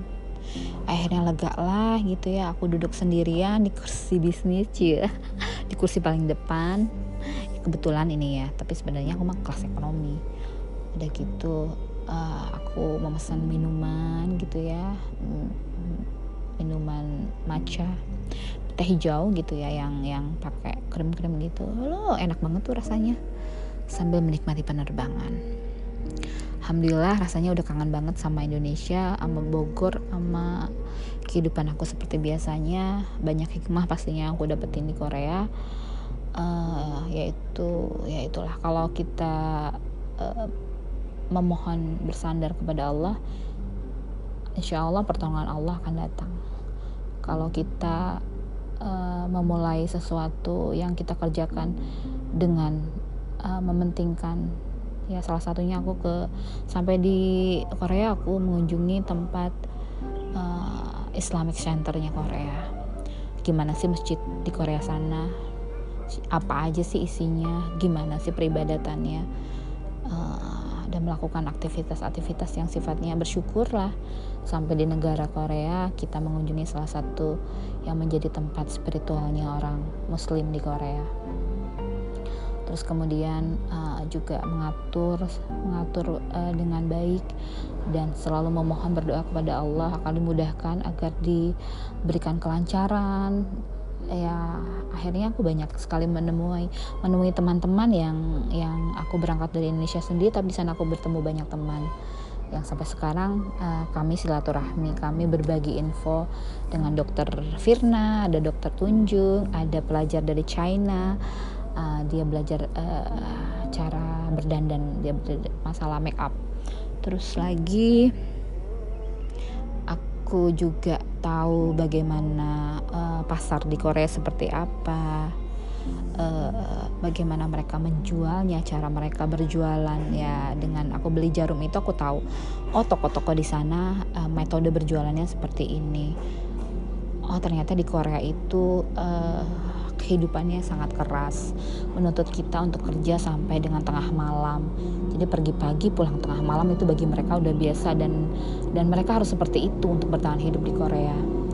Uh, dan juga banyak mempekerjakan orang-orang sudah usia lanjut untuk bidang-bidang seperti kayak membersihkan kereta, mengelap-ngelap uh, fasilitas umum itu banyak sekali dipekerjakan orang-orang sudah usia lanjut. Jadi mereka tetap meng-hire orang usia lanjut untuk dipekerjakan di bidang-bidang yang sifatnya kayak bersih-bersih seperti itu. Itu menandakan bahwa memang keras kehidupan di Korea keras. Ya kalau mau bertahan hidup di usia masih 60 gitu kayaknya masih banyak bekerja untuk bersih-bersih untuk ngepel-ngepel kereta gitu. Banyak sekali mempekerjakan usia lanjut. Kebayang nggak sih Indonesia? Ya udah nggak ada kali ya usia lanjut gitu bersih-bersih. Ada sih tapi tidak terorganisir dengan baik. Tapi kalau pemerintah sana kayaknya meng-hire usia-usia lanjut untuk dipekerjakan di uh, fasilitas umum. Kemudian eh, hal-hal ya pastinya uh, ya banyak baca banyak baca kalau pengen pengen meng, apa pengen ke destinasi-destinasi dituju di sana. Yang pastinya uh, satu kalau solo travel itu punya pengalaman yang unik tersendiri ya juga menambah kita ilmu pengetahuan bagaimana mengatur schedule, menata hati, terus uh, mengambil prioritas. Pastinya banyak hal-hal yang positif yang kita bisa temui dari solo traveler ini hmm, mungkin ke depan jadi tambah pengen sih soal travel lagi ke daerah mana tapi kayaknya karena ter terhambat oleh pandemi kita lihat saja nanti apakah aku akan melanjutkan soul travel ini atau mengajak keluarga tapi ya kebetulan keluarga aku yang memang kondisinya uh, orang tua sudah uh, sepuh ya. Dan takutnya yang namanya ke negeri orang itu memerlukan ekstra tenaga. Karena harus jalan jauh. Kalau kita nggak nggak nggak hati-hati kita bisa kesasar gitu. Itu adalah hal-hal yang harus diperhatikan kalau kita ke negeri orang. Negeri orang yang nggak kita tahu. Uh, seperti apa alamnya seperti apa lingkungannya seperti apa adat kebiasaannya. Oh ya perlu perlu di perlu diperhatikan eh, uh, kalau kita ingin menunaikan sholat di negara yang memang tidak ada musola. Kalau aku di biasanya adalah mencari uh, sudah pasti kalau tidak mendapatkan air itu aku tayamum. Tapi kalau misalnya ada uh, kamar mandi biasanya aku wudhu dulu uh, beres itu aku wudhu aku biasa cari tempat yang kalau mungkin tidak mendapatkan space yang kita bisa uh, sholat secara komplit ya secara uh, berdiri gitu ya aku biasanya cari tempat duduk yang aku bisa konsentrasi untuk uh, mencari mencari kiblat sendiri pastinya dengan handphone. Terus aku menghadapkan diri aku di mana pun itu tapi seringnya aku duduk cari cari kursi supaya tidak menghalangi orang yang lewat orang berlalu lalang. Kalau aku mencari tempat yang sifatnya aku benar-benar uh, sholat secara utuh ya. Ya pastinya seperti itu. Kalau ingin melakukan peribadatan di di negara yang tidak memiliki musola atau ya masjid apalagi musola aja nggak ada gitu ya. Ataupun tempat untuk prayer. Tapi di Jepang aku dengar di Olimpiade yang di tahun 2020 ini nggak tahu jadi nggak tahu enggak uh, karena ada pandemi kali ya jadi mungkin agak lebih terbatas. Itu mereka menyediakan tempat sholat di mana pun kita mau sholat. Ah itu keren banget. Insya Allah mudah-mudahan ke depan Korea akan menjadi uh, lebih baik lagi bisa menyediakan tempat-tempat sholat di mana pun minimal di stasiun minimal di tempat-tempat umum. Mudah-mudahan kita berdoa saja. Amin. Assalamualaikum warahmatullahi wabarakatuh. Sampai jumpa di traveling yang yang lain. Masih ada sih masih ada yang aku mau ceritain tentang traveling ke daerah mana yang belum aku ceritain. Tunggu saja. Terima kasih. Assalamualaikum warahmatullahi wabarakatuh.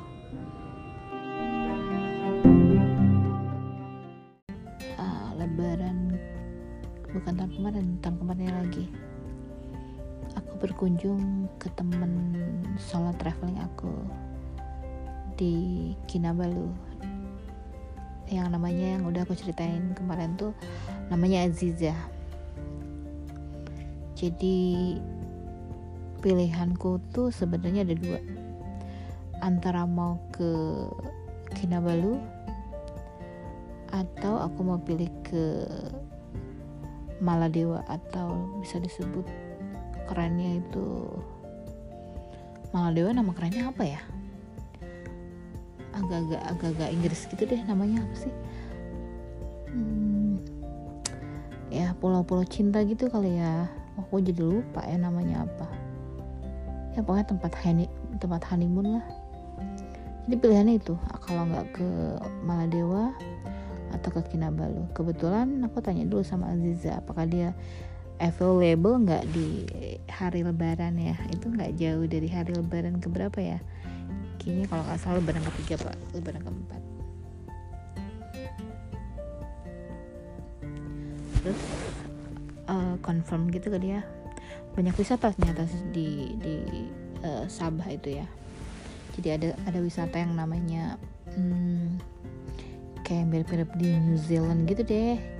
Jadi gunung Gunung Kinabalu. Di bawahnya itu banyak sekali peternakan uh, sapi ya. Tapi sapinya yang gede-gede gitu bukan kayak sapi di sini kecil-kecil. Sapinya gede-gede gitu kayak di New Zealand bentuknya yang total-total putih hitam putih gitu deh. Udah kayak boneka yang aku bikin. Jadi ini solo solo traveling pertama yang aku lakuin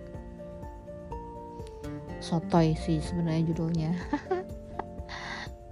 Itulah sifat aku tuh ya sotoy. Ya kalau nggak sotoy nggak nyampe ke sana sih. Nah waktu itu posisinya kok masih kedatangan saudara sih sebenarnya siang harinya itu. Kok masih ngajak masih ngajak jalan-jalan saudara-saudara aku tuh yang nyampe di Bogor masih ngajak sarapan pagi masih ngajak keliling kota. Foto-foto padahal aku tuh udah juhur harus segera ke bandara. Ya namanya juga kalau sama tamu itu apalagi tamu jauhnya dari Lampung senang aja sih ketemu saudara. Tapi mereka juga kaget. Pas tahu aku habis juhur tuh siap-siap buat buat ke bandara. Nggak ada nggak ada apa nggak ada ribet-ribetnya gitu. Kayak orang mau ke apa ke Dufan aja gitu. Padahal mau pergi jauh gitu yang nggak ada persiapan. Ya iyalah apa yang mau dibawa? Oma kan paling paling nggak bawa apa-apa kalau namanya traveling. Yang penting bawa baju tuh ya dua apa tiga biji doang.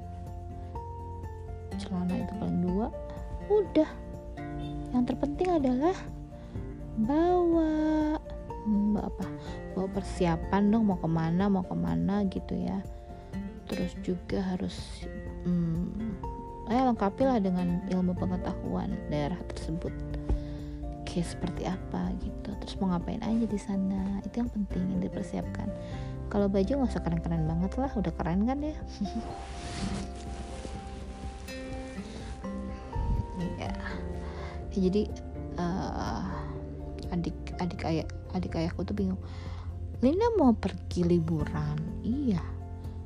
Baru siap-siap?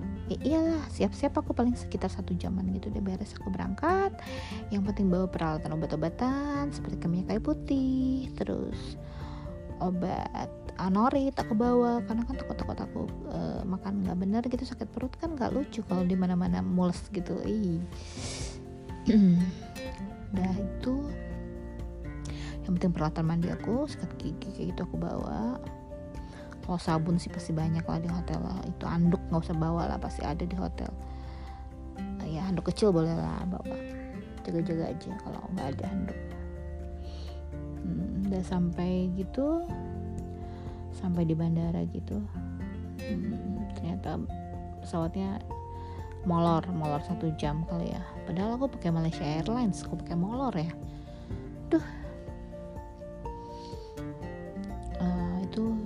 keberangkatan jam 9 malam. Senang banget ya berangkat malam-malam. Iya supaya nggak nggak nginep di hotel. Nggak sih nggak gitu. Ya memang enak aja kalau oh, berangkat yang jam-jam segitu gitu. Bisa tidur di pesawat.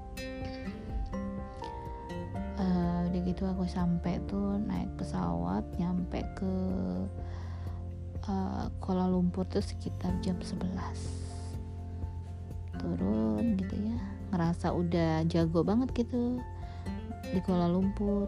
Pakai acara merem gitu. Nggak nggak pakai nggak pakai banyak uh, tanya-tanya. Sotonya keluar. Uh, udah ngerasa kayak negeri sendiri aja gitu ngerasa udah sering kali ya ke Kuala Lumpur ya seperti biasalah aku menuruni tangga menuju platform kereta. Jadi kereta yang yang menuju harusnya uh, apa? Ke KL, KLIA 2 nah KLIA 2 ini satu stasiun doang dari satu terminal doang dari uh, terminal satu itu. KLIA 1 tapi sayangnya karena kesotoyan aku yang merasa kayak orang asli Kuala Lumpur aja gitu ya seharusnya aku lihat itu ada jalur tuh ke kanan dan ke kiri. Kalau aku ke kiri itu ke Kuala Lumpur kalau ke kanan tuh ke KLIA 2 tempat aku nginep. Nah ya karena sotoy gitu ya aku ambillah yang arah Kuala Lumpur dan itu adalah kereta terakhir. Setengah 12 itu ya kereta terakhir. Uh, udah nyampe di dalam kereta gitu ya. Kereta terus langsung pemberhentian pertama adalah salak tinggi gitu. Lah kok salak tinggi? Seharusnya kan KLIA 2 nah kan sotonya sotonya keluar tuh terus ya daripada tambah jauh aku turunnya di Salak Tinggi. Sampai di Salak Tinggi aku mau balik lagi tuh kan ya ke arah KLIA 2 tempat aku harus nginap beberapa jam sebelum uh, naik pesawat lagi nanti pagi. Dengan gaya stay cool gitu ya. Dengan gaya nggak punya banyak dosa gitu. Polos aku melangkah menuju gerbang uh, apa tap untuk kartu exit dari stasiun. Eh jelas kartuku nggak bisa dipakai orang aku nggak harus turun di situ harusnya di KLIA 2 nah aku dihampiri oleh Pak Cik tapi udah kebayang sih aku pikir gini itu kan tadi kereta terakhir ya. Kayaknya aku bakal nginep di dalam stasiun nih. Aku udah ngintip aja tuh di ujung itu ada tulisan musola gitu. Udah kebayang aja aku bakal tidur di musola sendirian di dalam stasiunnya nggak ada orang. Ih. tapi kan aku kan belaga gitu belaga berani gitu. Masalah ntar sih tidur di dalam musola ya mau apa lagi? Terima aja itu salah satu salah satu ujian yang harus disyukuri. Ya. Menantang kita berani nggak? Itu udah tuh. Terus Paci itu bertanya hendak ke mana? Gitu. Ya nggak gitu sih dia nanya ya. Pokoknya dia bilang e, aku bilang aku mau ke KLA 2 masih ada kereta nggak? Gitu. Terus kata dia nggak ada itu tadi kereta terakhir. Wow aku nggak bisa ngomong apa apa tuh. Ya seharusnya saya tuh ngambil yang arah sana Pak Ci tapi aku salah ambil. Terus dia berpikir sejenak dia langsung mengambil handphone. Dia memutar otak berpikir dia menghubungi siapa nggak tahu deh aku. Tak lama dia memutus telepon dia bilang sama aku gini sebentar lagi ada kereta yang datang mau jemput menjemput adik atau gitu okay. apakah dia ngedatangin kereta khusus buat aku? Ya aku pikir kereta beneran. Bakal datang khusus jemput aku buat nganterin ke KLIA 2 Hih, emang siapa aku ya? Tapi ternyata adalah kereta itu adalah mobil buat orang Malaysia. Ya. Udah ger aja tau nggak? Ih siapa juga aku datangi kereta jemput kereta udah gitu nggak lama kemudian adik tunggu di sini ya gitu katanya. Sebentar lagi akan ada ranger yang antar adik ke KLIA 2 dan benar aja datanglah ranger. Memakai mobil ranger ranger Ford gitu deh yang kayak apa dua cabin gitu deh. Rambutnya gondrong. Eh, lumayan lah cakep cakep cakep. Terus aku naik ya aku berpasrah aja deh. Orang baik pasti akan dipertemukan dengan yang baik cie. Yang jelas pokoknya aku pasrah. Mudah-mudahan Allah selalu melindungi aku di mana pun aku berada. Kan dari awalnya aku udah minta izin sama Allah. Ya Allah aku ingin melihat penciptaanmu di negeri seberang sana. Kalau mau kalau kau izinkan tolong dipermudah. Tolong di uh, segala-galanya dibuat indah dibuat lancar gitu ya. Dan itu adalah sebelum aku melakukan yang namanya traveling. Setelah setelah aku di dalam mobil gitu ya agak takut juga sih takut-takut dibawa kabur. Nggak juga sih ya. Uh, sudah itu aku lihat nih sekeliling di di tem, di sekeliling aku yang aku lihat di perjalanan menuju ke LA2 itu hutan ternyata. Jadi salak tinggi menuju ke LA2 tuh kanan kiri itu hutan lebat gitu nggak ada rumah gitu yang nama juga nama juga bandara gitu ya. Itu kan masih masuk kawasan bandara kayaknya. Iya yang ada hanya hutan lebat gitu aja hitam gelap gitu pak pohon-pohon tinggi jalanan cuman mobilnya cuman aku doang ya.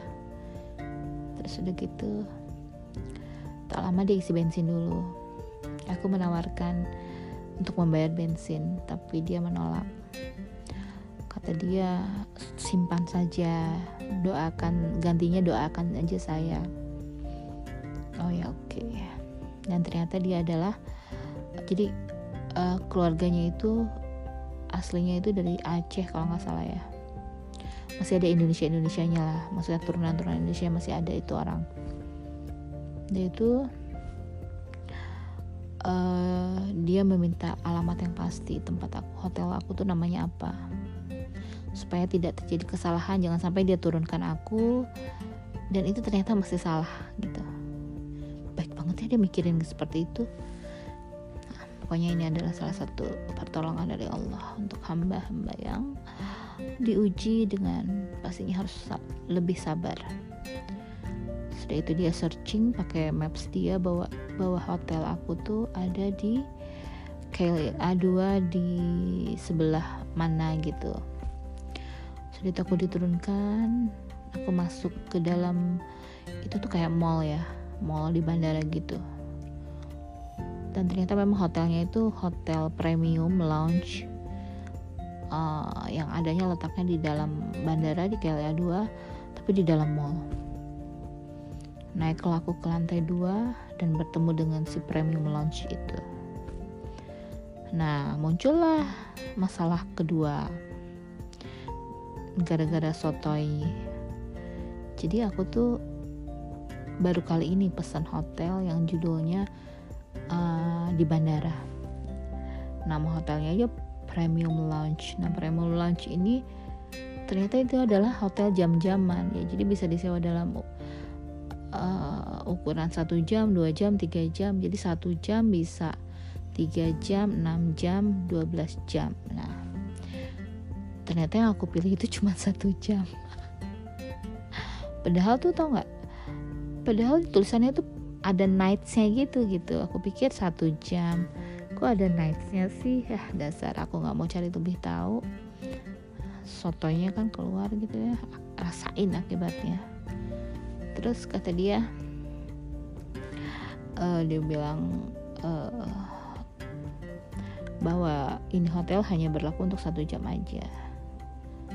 Setelah itu harus check out satu jam. Lah itu jam satu malam gitu loh. Aku udah ngantuk butuh tidur. Masa harus satu jam? Gak mungkin aku bisa satu jam. Belum mandi belum bersih bersih gitu ya terus aku intip tuh rednya di di meja si front desknya itu. Aku intip widih mahal banget gitu kan ya. Terus aku udah lelah banget udah ngantuk gitu ya. Terus aku bilang gini nanti masalah perpanjang atau tidak perpanjang aku nginep di hotel ini nanti aku aku kabarin. Tapi sekarang aku mau masuk dulu mau istirahat.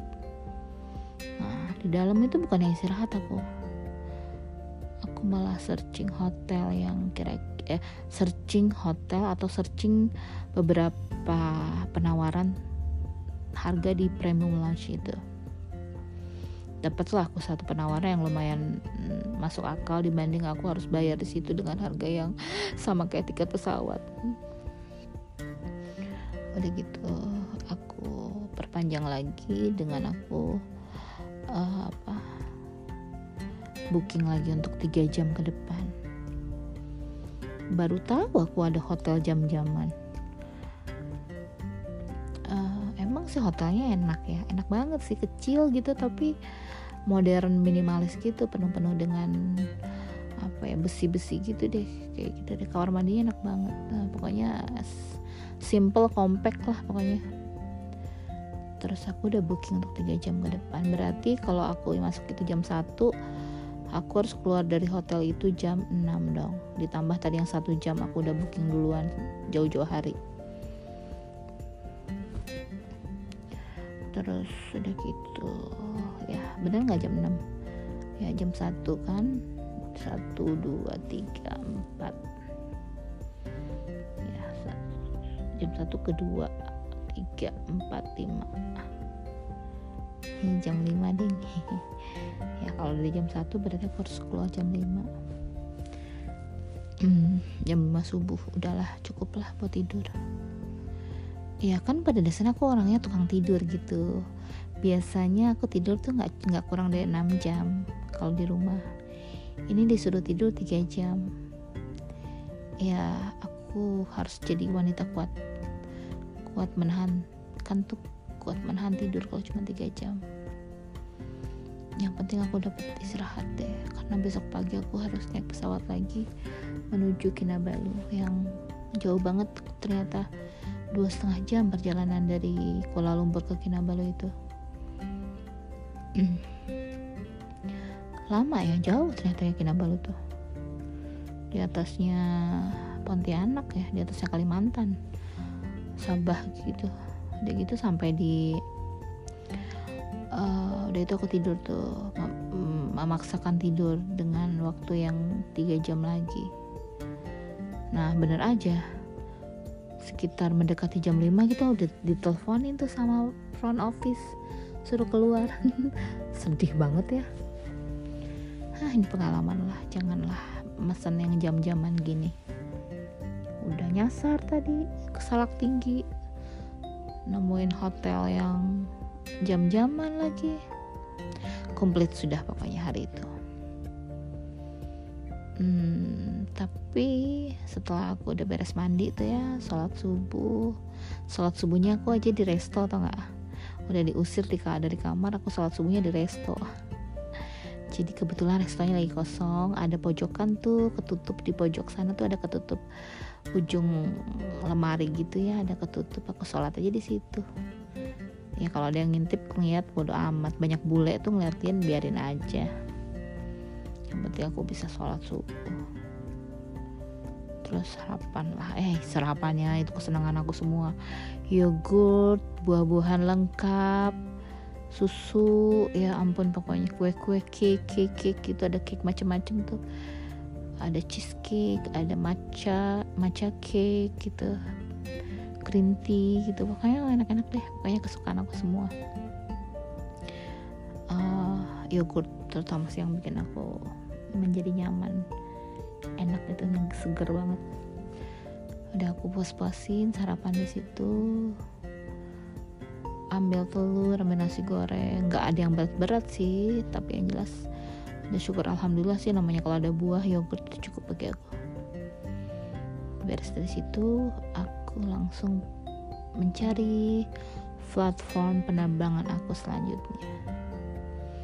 Tumben tuh tidur tiga jam mata nggak sepet fresh. Ya dikasih sama Allah karunia yang cukup besar. Biasanya aku kalau tidur 3 jam itu masih merajuk kalau kalau orang Malaysia bilang ya masih butuh tidur lagi gitu. Ya nanti kan di pesawat bisa tidur lagi kan udah gitu aku langsung berangkat lagi ya langsung naik pesawat lagi menuju Kinabalu. Sampai di Kinabalu aku sudah dijemput sama Aziza. Is my friend. Wanita solihah baik ya. Seneng aja lihat Aziza itu. Orangnya tulus baik. Nah aku dijemput oleh Aziza dan temannya temannya lucu sih baik juga.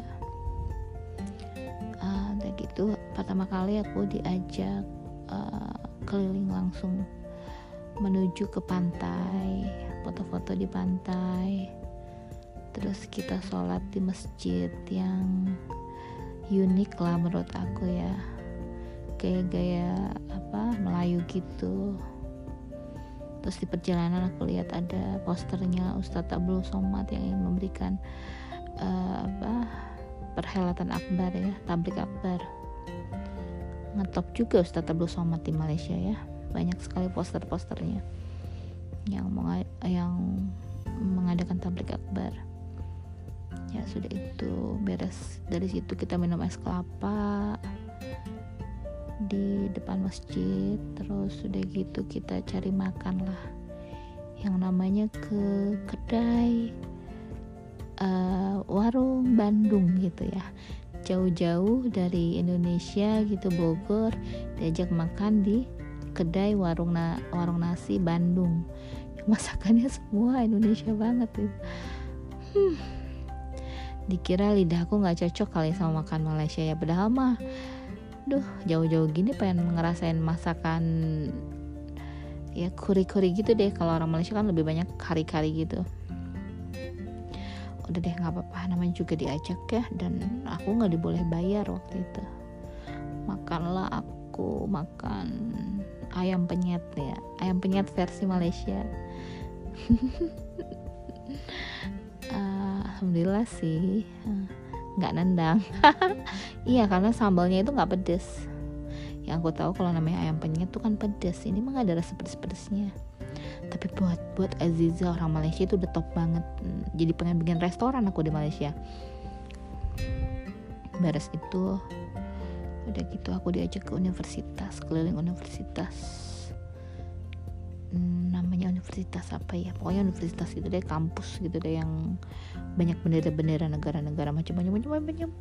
Aku aku sempat foto-foto di situ di foto-fotoin sama mereka. Terus diajak ke gedung apa namanya ya? Yang agak miring-miring gitu gedungnya. Tinggi gedungnya. Ya pokoknya aku diajak jalan-jalan abis deh sama mereka. Beres itu kita balik balik ke hotel eh balik ke hotel balik ke ke, ke tempat uh, rumahnya Aziza. Sebuah flat kamar. Terus ya kamar ya nggak gede-gede banget sih paling kamarnya itu tiga kali tiga kali ya. Ya udah aku aku ceritain sih sebelumnya di pas uh, soal traveler ke Korea tentang tentang kamarnya Aziza ini. Jadi nggak perlu aku bahas di sini ya setelah itu nah memasuki hari kedua aku di sana uh, aku sudah harus persiapkan solo traveler yang sesungguhnya. Karena aku harus ke namanya Kundasang. Kundasang ini bisa ditempuh sekitar 2-3 jam dari kota Kinabalu ke tempat wisata uh, itu tadi sapi di pinggir gunung. Di pinggir gunung Kinabalu jadi aku dianterin sampai ke uh, satu bukan bus ya mobil kecil. Kayak L300 gitu deh isinya sekitar 10 orang ya. Nah udah gitu aku naik itu. Karena 2-3 jam aku tidur dong di dalam mobil. Nah saking enaknya tidur pokoknya heboh deh tidurnya sampai tahu-taunya itu udah ada di puncak gunung. Maksudnya di lereng gunung gitu dan pas aku melek gitu di depan aku tuh udah udah kelihatan gunung gede banget. Gede banget. Aku baru lihat deh seumur hidup ya gunung segede gitu gitu. Aku berada di lereng gunung udah hampir setengahnya kali ya. Jadi di, di, di jadi bisa kelihatan banget tuh si gunung tuh gede banget udah kayak giant gak raksasa yang ada tanduknya dua gitu. Serem deh pokoknya. Agak kaget dan takut juga sih lihat gunung segede gitu gitu. Udah gitu dia gunungnya tuh gak kayak di Indonesia. Dia gunung-gunung bener-bener batu gitu. Kalau di kita kan gunungnya banyak pohonnya kalau ini nggak ada benar-benar batu. Nyerupai kayak giant gede gitu ada tanduknya aduh. Udah gitu aku pikir dong kalau pemberhentian tempat aku turun itu adalah di ujungnya pemberhentian semua orang bakal turun.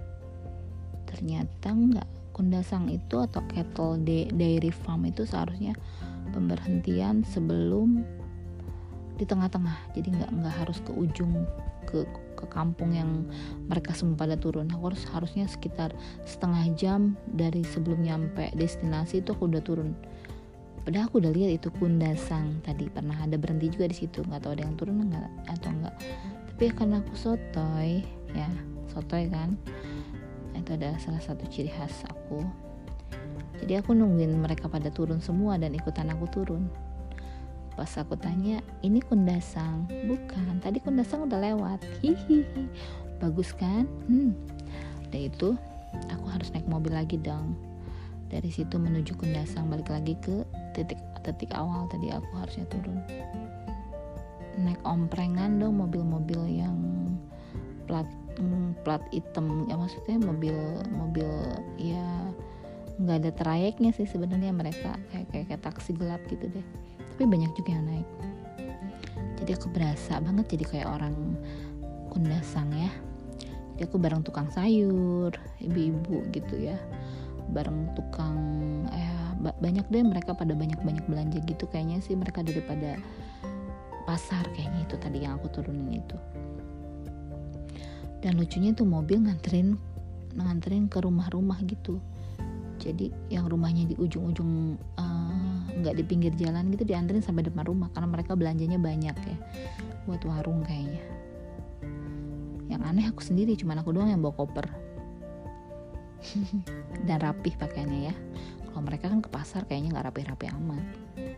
Ketahuan aku orang orang deso gitu ya. Orang deso masuk masuk kota masuk kampung sih. Jadi orang kota masuk kampung. Orang kota masuk deso. Udah gitu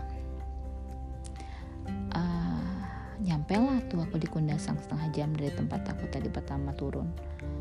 Dari situ nah letak hotel aku tuh agak-agak di atas viewnya indah banget sih memang. Dia ada di daratan tertinggi dari daerah uh, Kundasang jadi kita bisa melihat ke bawah tuh dengan segala macam pemandangan yang begitu indah. Hmm, dan aku harus nyewa mobil lagi tuh menuju ke hotel. Nggak mahal sih hotelnya. Eh maksudnya nyewanya uh, kalau nggak salah 30 ringgit ya harus bayar. Karena memang nggak ada lagi penumpang di jam segitu. Yang menuju ke hotel di atas ya sudah aku akhirnya bayar. Sekitar 2 km sih sebenarnya dari situ ke hotel. Nggak mungkin juga kan aku jalan kaki bawa bawa koper. Tambah aneh. Lagian kan aku nggak tahu juga sebelah mana. 2 kilo jauh lah. Sampailah aku di hotel semakin malam itu gunung semakin gede. Hihi ini kan pengalaman pertama aku solo traveler ya. Takut juga sih ngeliat gunung segede gitu kayak serem gitu kayaknya agak-agak mistis gitu ya tuh gunung. Ya dengar-dengar sih jadi kalau kalau nenek moyang mereka itu katanya kalau meninggal dibawain ke gunung itu ke atas gunung itu. Ditaruh aja begitu saja. Entahlah maksudnya apa. Yang jelas ya pengaruh pengaruh uh, nuansa nuansa apa ya mistisnya kerasa banget sih sama aku. Cih sotoy ketiga itu.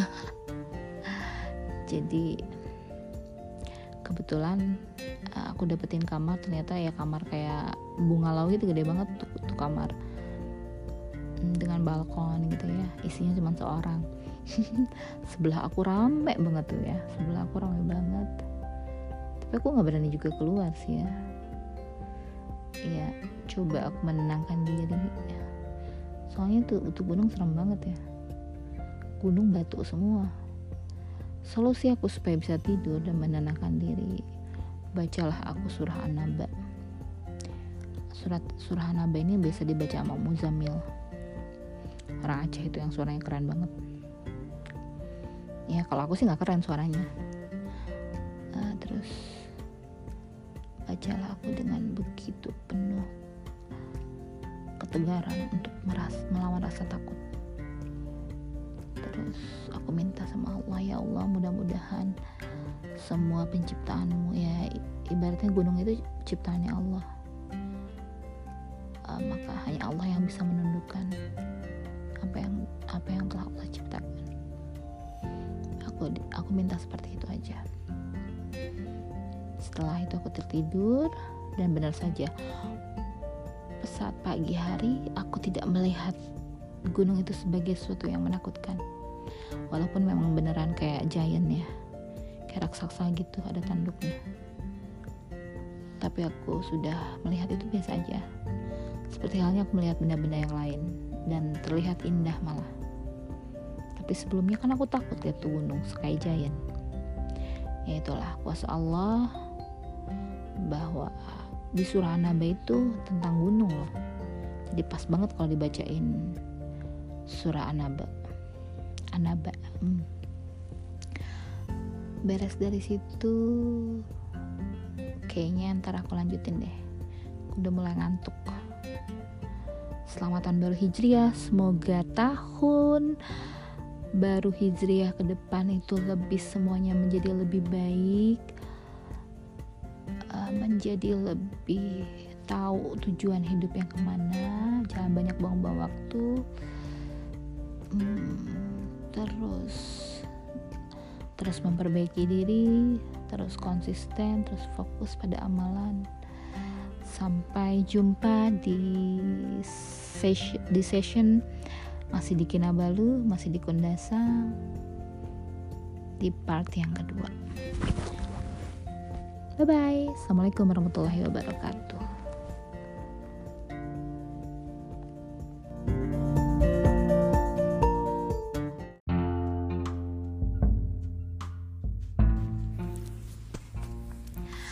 Assalamualaikum warahmatullahi wabarakatuh Sahabat malam.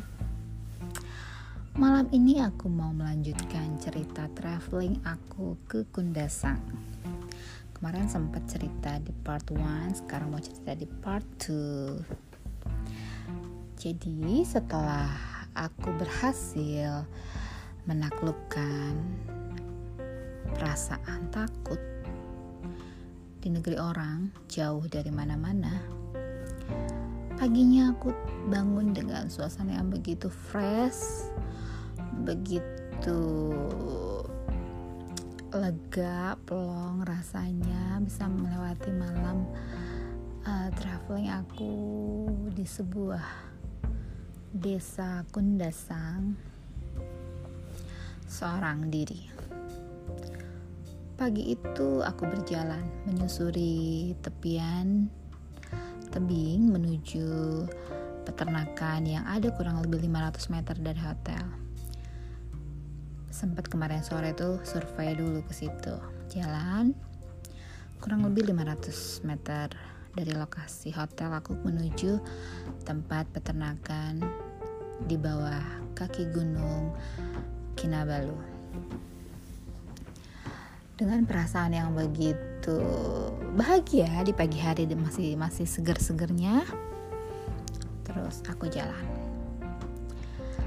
Nggak ada orang karena itu memang daerah benar-benar khusus wisata dan banyaknya adalah para um, yang bercocok tanam di bidang bunga-bungaan. Jadi nggak banyak rumah penduduk di situ.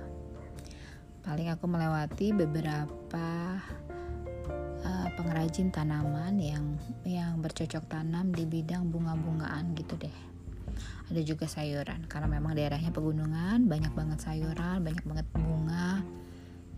Ya tapi mereka nggak tinggal di situ. Jadi hanya untuk mungkin ngasih pupuk ngasih uh, menyiram tanamannya cukup seperti itu. Karena berhubung masih pagi hari si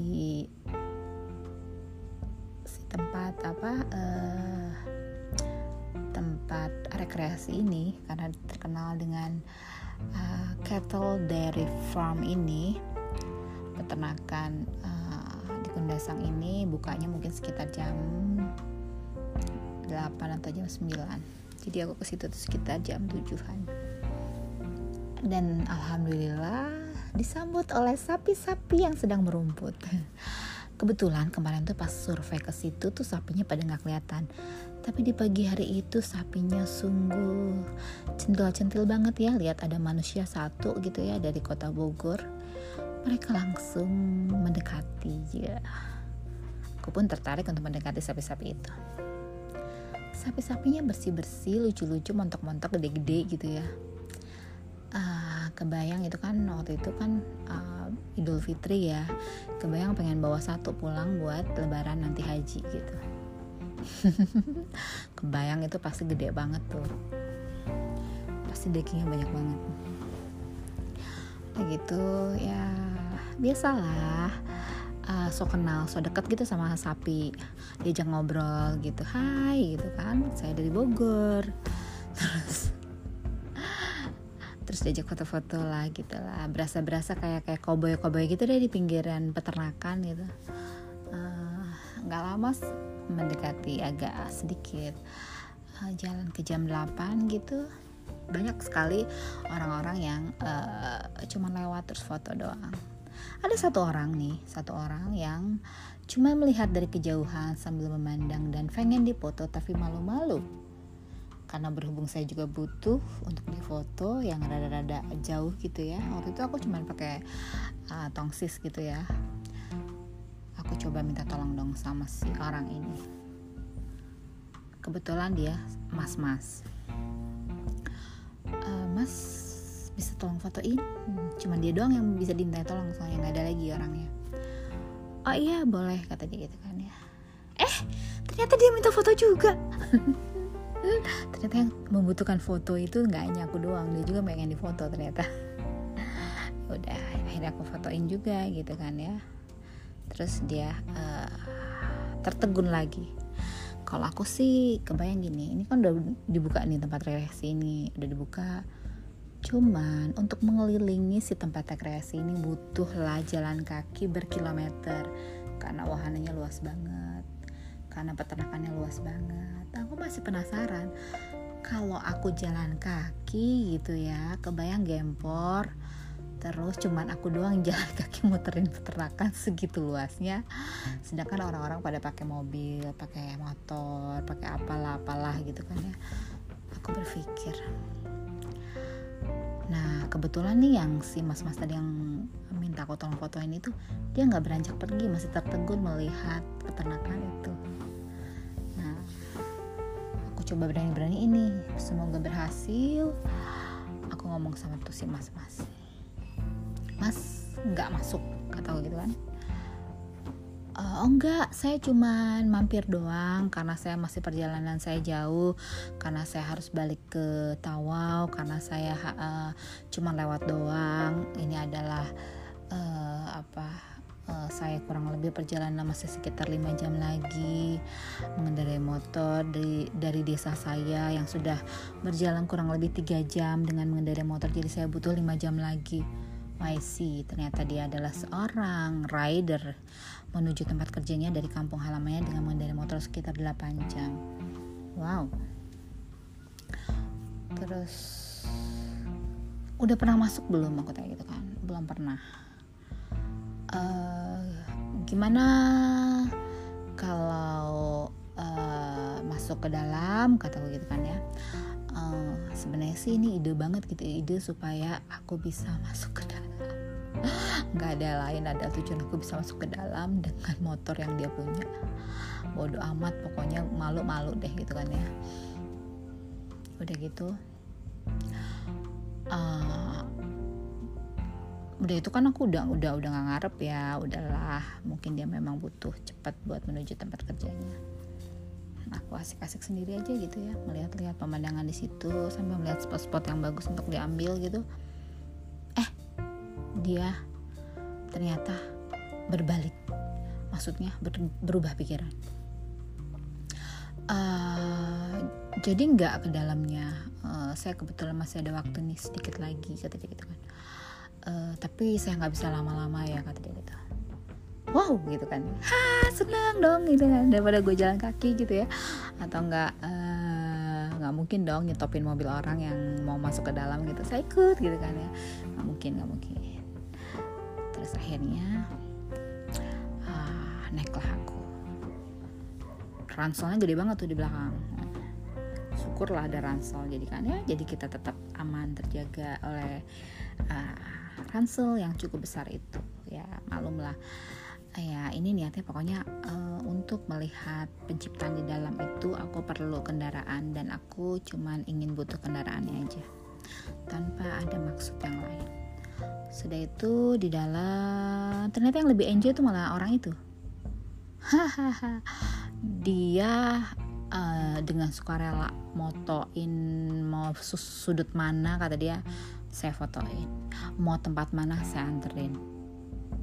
Wah guide yang lumayan sangat uh, apa ya baik hati gitu kan ya.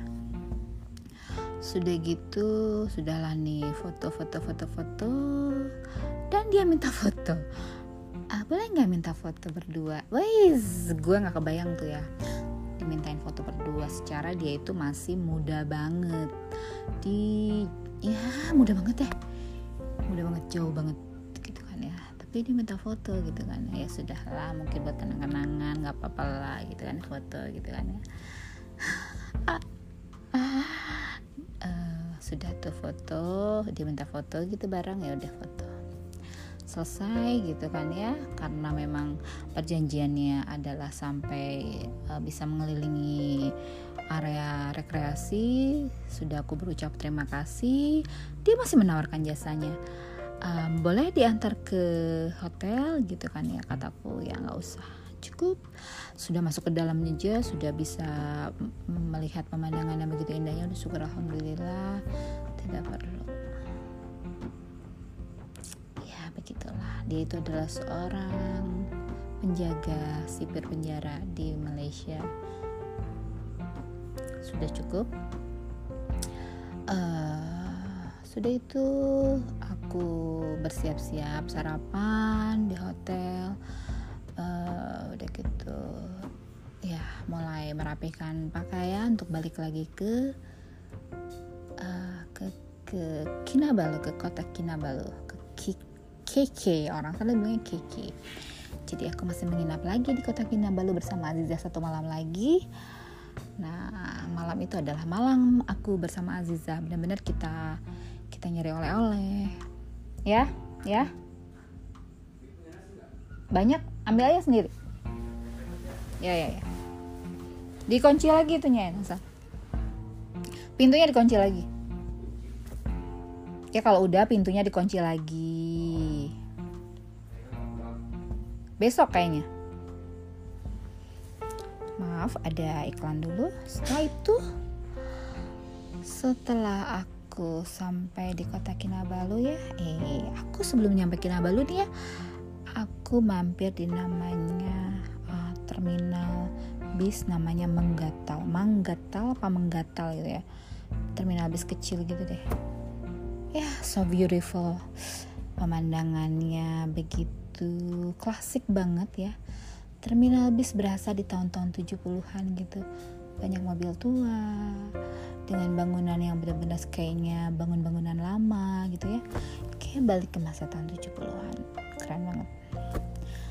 Beres itu aku sampai lagi. Sampailah aku di uh, Kiki. Aku dijemput sama Aziza yang baru pulang kerja. Dia pakai kendaraannya. Aku dijemput di stasiun tempat aku turun itu. Terus kita ke mall kita ke mall. Kebetulan aku tadinya mau cari sesuatu gitu ya di mall. Eh enggak nganter dia. Dia butuh sesuatu yang harus dicari di mall gitu.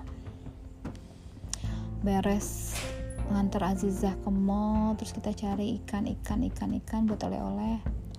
Itu seru banget ikan asinnya murah-murah banget. Secara orang Sunda tuh ikan seneng banget yang namanya ikan asin ya. Itu aku menemukan namanya ikan asil yang mirip-mirip jambal gitu ya. Satu satu ekor itu satu ekor ikan itu kurang lebih harganya sekitar gak mahal ya. 60 atau 70 ribu satu ikan itu. Sekitar satu kilo lebih lah. Ya. Eh pokoknya pokoknya murah banget ya murah banget daripada di, di di tempat aku di Indonesia. Itu jambal di sana tuh lebih moist lebih lembut lebih wanginya lebih nggak nggak nyereng gitu ya. Ah, pokoknya ikan jambal. Aku beli ah, nggak kira-kira aku beli sekitar 7 apa apa berapa biji gitu ya. Mau aku kasih satu-satu gitu sama orang-orang yang suka ikan asin itu. Dan itu ikan asin premium kalau buat orang Sunda. Ada gitu udah tuh ya jadi si si koper aku penuh lah dengan ikan asin. Mulai dari ikan asin jambal ikan asin teri ikan asin tawar gitu ya. Ih penuh banget. Tapi aku wanti-wanti banget jangan sampai nih ikan asin bau keluar dari koper aku. Jadi aku bungkus koran berlapis-lapis gitu kan ya. Ih pasti mamaku seneng banget nih bawain ikan asin. Terus ih jadi berat dong koperku penuh dengan ikan asin terus aku ngobrol lah dengan uh, Aziza di hari-hari mendekati waktu-waktu terakhir kita mau berpisah. Jadi obrolan kita itu yang terakhir yang aku ingat adalah ya dibilang sensasi seorang solo traveling itu mungkin awal-awalnya akan takut tapi setelah bisa melewati rasa takut itu kan keren banget Katanya seperti itu. Beres dari itu, aku langsung ke bandara. Di bandara aku langsung ke KL, balik ke KL. Uh, ah, dan aku harus menginap lagi di KL selama semalam. Sampai di KL itu kurang lebih sekitar jam 9 malam ya sampai di Kuala Lumpur aku jam 9 malam menyusuri tepian roadnya itu ya depan Petronas Tower itu aku keliling jalan kaki menuju hotel. Kebetulan aku nginep di hotel Chorus pas depan banget sama Petronas.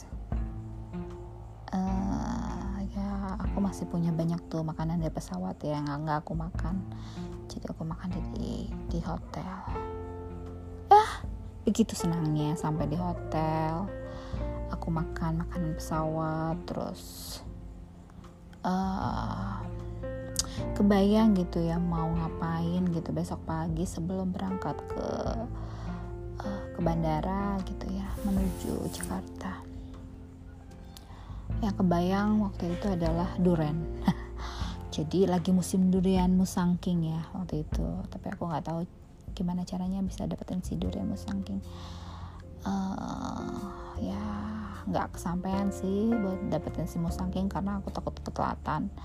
Jadi pagi-pagi itu aku cuman jalan-jalan ke Petronas terus aku foto-foto ya kangen lah udah lama nggak ngeliat si kembar tuh ini tuh. Situ menikmati ya, di depannya gitu dengan hawa subuh gitu ya jam 6 gitu. Begitu balik ke hotel langsung mandi langsung buru-buru cepet pergi ke bandara untuk pulang ke Indonesia. Itulah itulah sahabat malam. Uh, pengalaman pertama solo traveling ke kota Kinabalu ya kebayang ya waktu itu adalah aku tuh ya pengen banget bikin resto di sana. Pengen banget bikin resto uh, pokoknya khas makanan Indonesia yang enak-enak deh. Mau penyet ke mau rendang gitu ya. Karena menurut pengakuan Azizah nih masakan Indonesia itu the best banget. Jadi kalau mau makan enak itu tinggal pergi ke Indonesia. Karena di Indonesia itu benar-benar komplit makanannya. Pedasnya dapet ya terus rendangnya pun dapet gitu kan rasanya benar-benar pas banget. Terus lagi apa sih pokoknya enak-enak gitu. Tuh kebayang aja aku gitu ya aduh pengen banget buka usaha banget ya resto di sana gitu. Karena lidah orang Malaysia cocok banget sama masakan Indonesia. Keba kebayang tuh bikin bikin uh, bisnis uh, apa sih one stop food gitu mau makanan-makanan terlaris di Indonesia gitu yang suka disukai entah somai entah pempek entah itu uh, uh, ayam penyet iga bakar gitu pokoknya yang yang the best lah gitu buka di sana kebayang dong ya hmm. itulah tapi ya saya kan masih punya tujuan-tujuan lain masa bisnis melulu sih sampai kapan bisnis nggak ada habisnya ya siapa tahu tapi kan yang yang jalanin bukan kita kan kita otaknya doang. Hei, buat yang lain semangat semangat semangat. Untuk bisnis nggak usah deh yang namanya mikir uh, apa hmm, nggak ada kata terlambat. Otaknya kita yang penting ada manajemen yang bagus itu aja. Ya kontrolnya yang baik itu aja. Dan jangan jangan lupa banyak doa karena kita harus mempercayakan amanah kita kepada seseorang yang bisa pegang amanah itu aja ya itulah di Kundasang. Traveling yang cukup mengesankan. Uh, ya. Assalamualaikum warahmatullahi wabarakatuh. Alhamdulillahirrabbilalamin Wassalatu wassalamu ala asrafil anbiya'i wal mursalin wa ala alihi wa ashabihi wassalim. Assalamualaikum ya Rasulullah. Assalamualaikum ya Habibullah. Sahabat podcast di siang hari ini aku mau bercerita tentang perjalananku sewaktu aku bertraveling masih di kota Tokyo. Ya karena saat ini sedang Olimpiade Tokyo jadi teringat lagi ya tentang kisah traveling ke Tokyo. Jadi ini adalah hari ke berapa ya aku di Tokyo itu kurang lebih hari terakhir aku di Tokyo. Kurang lebih aku di Tokyo kurang lebih sekitar tiga hari saja ya. Tiga hari enggak pakai malam ya dua malam tiga hari. Hmm. nah waktu itu aku uh, check out dari hotel terakhir itu ya uh, di Bougainville Bougainville Hotel di daerah uh, Tokyo. Setelah kita check out ya uh, dengan dengan rasa yang sotoy ya biasalah ya karena e, merasa e, berasa ya kita itu kan bergantung kepada Allah Subhanahu wa taala yang pastinya kita menyerahkan semuanya perjalanan ini kepada Allah. Jadi ya mau gimana juga pokoknya nanti akan ada jalannya deh. Pokoknya jalani dulu aja ya walaupun kita sudah sudah memiliki uh, traveling date-nya sudah ada nih bahwa hari kedua ini uh, malam. Jadi kita sudah dua malam di Tokyo ini. Nah hari ketiganya ini kita mau uh, pergi ke Kyoto. Nah hari ketiga ini kita langsung saja kita check out ya check out dari hotel terus kita ke Shinjuku Shinjuku Station ya. Shinjuku Station ini kita naruh dulu uh, di mallnya ya. Kita naruh dulu uh, koper kita. Kita taruh koper kita dan kebetulan kita naruh kopernya di dalam mall. Nah setelah kita menaruh koper kita di dalam mall kita pergilah mencari tiket buat ke Kyoto. Kalau teman aku yang namanya Aziza itu dia sudah dapat tiket ke Kyoto itu sudah sejak sebelum masih ada di Malaysia. Masih ada di Malaysia dia sudah pesan tiket sebelum berangkat ke Tokyo. Berbeda dengan aku yang belum punya tiket ke Kyoto naik kereta atau naik Shinkansen kita belum punya. Jadi kita saat itu langsung pergi ke station bus di Shinjuku station bus. Dan kita lihat ternyata Shinjuku station bus sudah habis tiketnya. Kita nggak dapat tiket Shinjuku Station kita nggak dapat tiket kereta ya kita nggak dapat Shinkansen ataupun tiket biasa. Akhirnya kita uh, membeli tiket bus. Dan tiket bus pun kita dapat yang paling mahal. Mirip-mirip Shinkansen ada terus kita belilah ya uh, seharga kurang lebih 9.800 yen ya. Hampir 10.000 yen. Kurang lebih kalau Shinkansen itu sekitar 11.000 apa 12.000 yen ya. Sedikit sekali lagi pakai Shinkansen ya sudahlah. Pokoknya dinikmati saja kita mendapat uh, jadwal bus ke Kyoto itu kurang lebih jam 11 malam ya. Jam 11 lewat 20 menit lah kurang lebih Nah, sebelum kita menghabiskan waktu menuju jam 11 ya, kita berkeliling-keliling dulu Kyoto. Eh, sorry, berkeliling-keliling dulu Tokyo. Ya, kita naruh dulu ya sambil kita naruh apa? koper, terus kita sudah beli uh, tiket bus ke Kyoto. Tiket bus malam. Kita berkeliling-keliling lah mengelilingi uh, Shinjuku. Nah, kita keliling di Shinjuku mulai dari uh, apa segala macam lah. Kita beli oleh-oleh makanan kecil kita beli pernak-pernik lah jajan yang nyemil-nyemil dikit-dikit lah. Kita juga beli apa takoyaki gitu kan es krim dan lain sebagainya. Waktu itu kita ditemenin sama Yuka. Kebetulan Yuka hari itu sengaja lagi libur. Kerjanya dia seorang perawat di Tokyo. Dia menemani kita keliling-keliling uh, yang kita mau ya oh, kita berputar-putar tuh ya di sekitar uh, apa di sekitar uh, Shinjuku Town itu ya. Kita duduk nongkrong di pinggir jalan ya. Menghabiskan waktu sambil menunggu uh, jadwal bus akan berangkat nanti malam. Nah kurang lebih setelah mendekati malam hari ya setelah uh, uh, Bada Isya ya uh, Yuka juga sudah pulang kita mau cari makan malam nih judulnya. Sekitar jam 8 malam kita mau cari makan malam. Kita searching lah uh, resto halal food in Shinjuku Town gitu ya. Ada pakai map kayak Google Maps kita dapet ya. Gak jauh sih sebenarnya ya ini si resto ini. Cuman karena kita bukan ahli maps dan kita kurang pintar membaca maps ya karena pergerakannya antara internet, handphone dan uh, gerak langkah kaki ini nggak sinkron sepertinya. Nah, kita tuh sudah pada posisi yang uh, streetnya udah benar, jalannya udah benar, cuman kita nggak tahu ini tuh ada di sebelah mana bloknya yang mana gedungnya yang mana kita nggak tahu nah sudah itu kita akhirnya berputar lah di jalan-jalan situ. Mutar-mutar gitu ya sambil melihat uh, pelang-pelang resto. Siapa tahu ada nama yang resto kita cari ini. Resto uh, muslim. Pokoknya resto Jepang uh, untuk khusus untuk orang muslim. Berlabelkan halal. Pas kita lagi linglung gitu ya uh, belak balik gitu eh kita ditegur. Ditegur sama selebritis. Kita ditegur sama seorang Indonesia juga ya dia bilang ini Indonesia ya? Uh, iya betul kita Indonesia. Lagi cari restoran halal ya? Iya kita lagi cari restoran halal nih.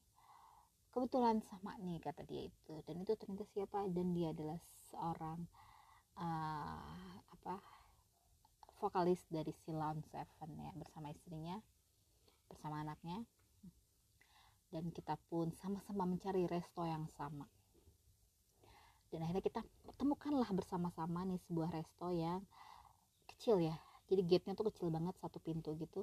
Dan restonya ini ada di lantai basement di bawah. Jadi kita harus turun gitu menuju si resto ini. Nah ini ada momen-momen best nih nanti setelah ini ya. Masuklah kita ke dalam restonya. Dan semua tempat duduk di dalam resto itu penuh. Sudah di booking laris juga nih resto ya dan terpaksa kita harus menuju satu tempat yang seharusnya bukan tempat makan namun gudang atau tempat apalah gitu ya. Ya tapi di situ ada ada meja ya ada meja tapi dengan uh, dekorasi yang benar-benar dinding yang belum dicat gitu ya. Uh, kanan kiri tembok yang belum dicat gitu. Dengan ya benar-benar ini sepertinya kayaknya gudang gitu ya. Lah uh, spesial mungkin ya menyambut kita bersama artis gitu ya makan bersama artis. Jadi hanya uh, dua anak uh, bapaknya Silon Seven sama istrinya. Dan kita aku dan teman aku berdua. Dan kita berenam dalam satu ruangan itu ya. Mak, uh, jadi makan malam bersama artis. Ya judulnya itu. Dan karena kesotoyan kita ya kita buka menu gitu ya. Pasti lihat harganya masya allah. Tahu nggak? Satu buah menu aja sekitar satu juta itu namanya apa ya uh, ada namanya kayak daging tuh yang empuk banget empuk empuk empuk empuk gitu ya. Yang di slice gitu ya. Dagingnya nggak terlalu matang dimasaknya nggak perlu matang-matang sebentar doang dia udah empuk gitu ya. Dibagi mungkin beberapa slice mungkin sekitar 10 slice mungkin ya uh, itu dan disajikan ya. Namanya apa ya? Steak uh, apa namanya wagyu ya wagyu. Pokoknya empuk banget ya dagingnya. Terus karena kita melihat satu menu satu juta ya uh, kita pikir-pikir lagi waduh. Aduh bukannya kita nggak mau ya nah, tapi kita memang bukan kelas kita bukan kelas kita makanan seperti ini ya. Kita biasa makan sushi itu paling enggak ya sekitar cuma 100 ribu itu dapat tiga set aduh udah gitu udahlah. Akhirnya kita pesan juga sih kita pesan juga menu yang paling murah di antara yang murah. Eh di antara yang murah. Benar menu yang paling murah di antara yang murah ya. Jadi kita pilih yang paling murah di antara yang murah. Tidak seperti artis ya yang di depan kita ini dia pesan wagyu gitu kan ya. Dan mereka pun menyuruh kita ayo uh, silakan cicipi menu kita gitu kan ya kita mikir-mikir lagi ya aduh nggak deh ya soalnya harganya udah segitu kita nggak berani nyobain punya orang. Akhirnya kita pun senyum-senyum gak jelas gitu ya sambil pandang-pandangan gitu dengan teman aku ini ya. Pasti kita dalam berpikirnya uh, perjalanan kita masih panjang jangan terlalu boros ya.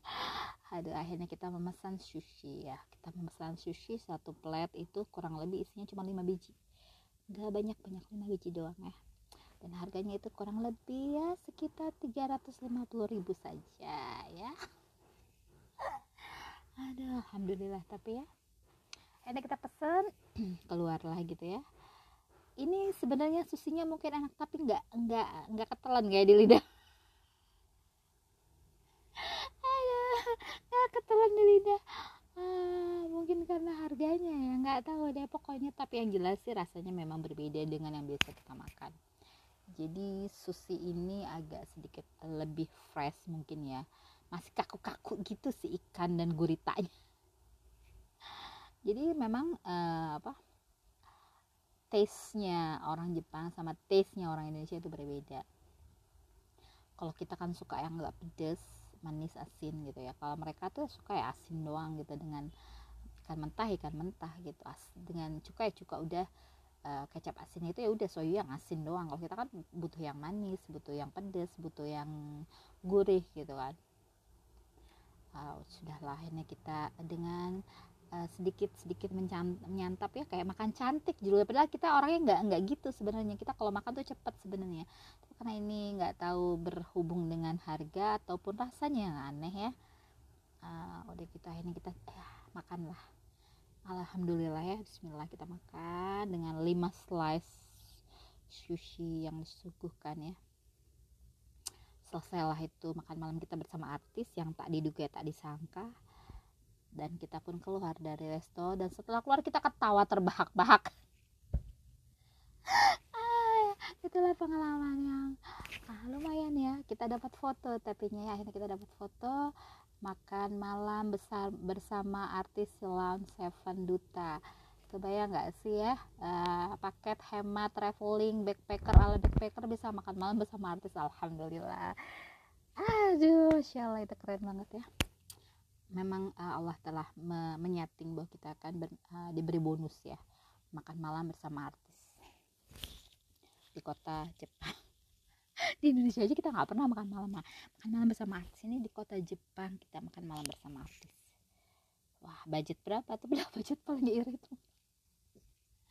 ah, udah tuh ya. Terus kita uh, aku menuju mall yang harus kita ambil koper tadi. Tau nggak kita sampai sana mallnya tutup? Dan koper kita di dalam coba bayangkan coba bayangkan ya kita cuma menyandarkan kepada Allah ya Allah kan ada jalannya nggak apa-apa kita capek berlari-lari di tengah mall ya olahraga malam nggak apa-apa kita lari-lari di tengah mall. Dan lari-lari pun ketutup sama pintu yang sudah banyak tertutup. Jadi kita lari ke sini gate-nya tertutup lari ke sana gate-nya tertutup lari ke sini nggak ada pintu masuk. Lari ke sana juga ketutup. Akhirnya kita mencari uh, apa mencari gate yang bisa menghubungkan ke tempat kita menaruh koper. Akhirnya akhirnya setelah kita uh, mendapatkan uh, izin Allah mengizinkan kita untuk mendapatkan koper kita lagi ada kita ditunjukkan pada satu uh, lorong satu gate ya yang bisa menghubungkan kita ke gate tersebut walaupun dengan mendekati waktunya ya. Kita harus mengejar bis di pukul 11.20 dan itu kurang lebih sekitar 11 jam 11 mendekati waktu sangat mendekati sekali waktu. Dan itu lokasi dari kita naruh koper ke stasiun busnya itu kita harus nyebrang. Nyebrang jalan yang lumayan jauh dan kita harus berlari menuju lantai paling atas karena busnya di lantai paling atas. Untuk pada gate uh, pick up kita itu di lantai paling atas. Akhirnya dengan berlari-lari di tengah mall ya olahraga malam uh, itu adalah alhamdulillah itu adalah kejadian yang uh, membuat kita bahwa ya itulah segala sesuatu sudah membuat jadi perjalanan kita keren ya. Nggak ada acara dalam traveling ininya ya schedule planningnya tuh nggak ada. Lari-lari di dalam mall sebagai olahraga malam nggak ada sebenarnya. Tapi karena ya itu sudah di Allah uh, buat seperti itu ya sudah kita ikutin. Kita lari-lari di dalam mall ini dalam waktu kurang lebih setengah jam ya kurang lebih kita berlari di dalam mall tuh ya mencari gate yang bisa masuk ke dalam koper kita yang kita taruh simpan koper itu akhirnya kita dapatkan. Kita keluar jam 11.10 10 menit lagi kita menuju keberangkatan. Lari-larilah kita ke dalam hmm, lewat lift dan kita juga masih bingung di mana ini gate-nya gitu. Kita tahu posisinya cuma kita nggak tahu gate nanti yang bakal e, bus kita itu di nomor pintu keberapa. Lari-larilah kita ke atas gitu ya dan bus kita ternyata memang belum datang. Jadi bus di sana itu benar-benar on time. Ya 11.20 ya dia datang 11.20 11.25 itu udah berangkat. Akhirnya kita tanya 11 lim, uh, hampir mendekati 20 itu belum datang. Kita masih deg-degan ya emang Indonesia gitu ya suka telat-telat busnya enggak ini mah.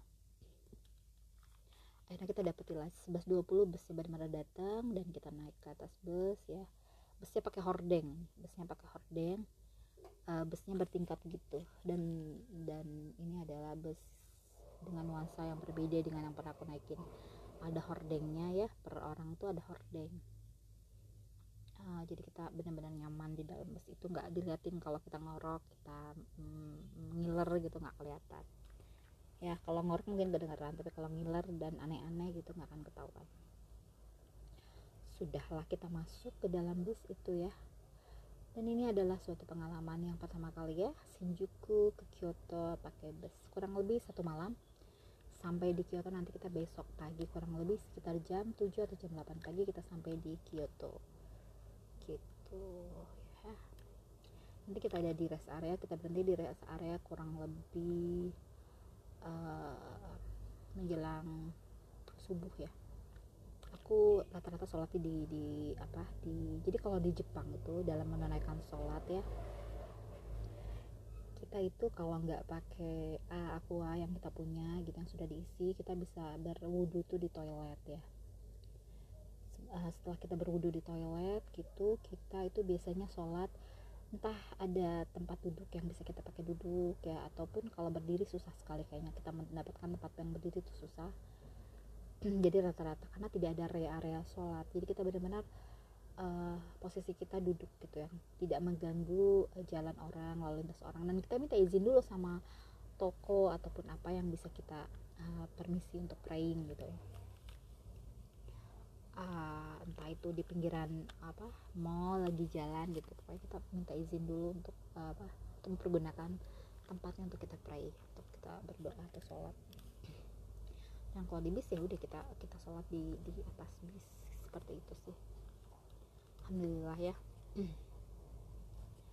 Uh, intinya seperti itu perjalanan di menuju Shinjuku uh, ke Kyoto ya kita di Kyoto masih kurang lebih kita kurang lebih lagi uh, dua malam lagi dua malam tiga hari. Nanti ada cerita yang lebih seru lagi di pada saat kita sampai di Osaka Kyoto ke Osaka. Itu ada yang seru lagi ya. Nantikan traveling selanjutnya. Semoga ini bisa menjadi inspirasi untuk yang ke Kyoto ataupun mau ke Osaka ataupun mau ke Tokyo. Semoga dengan inspirasi. Assalamualaikum warahmatullahi wabarakatuh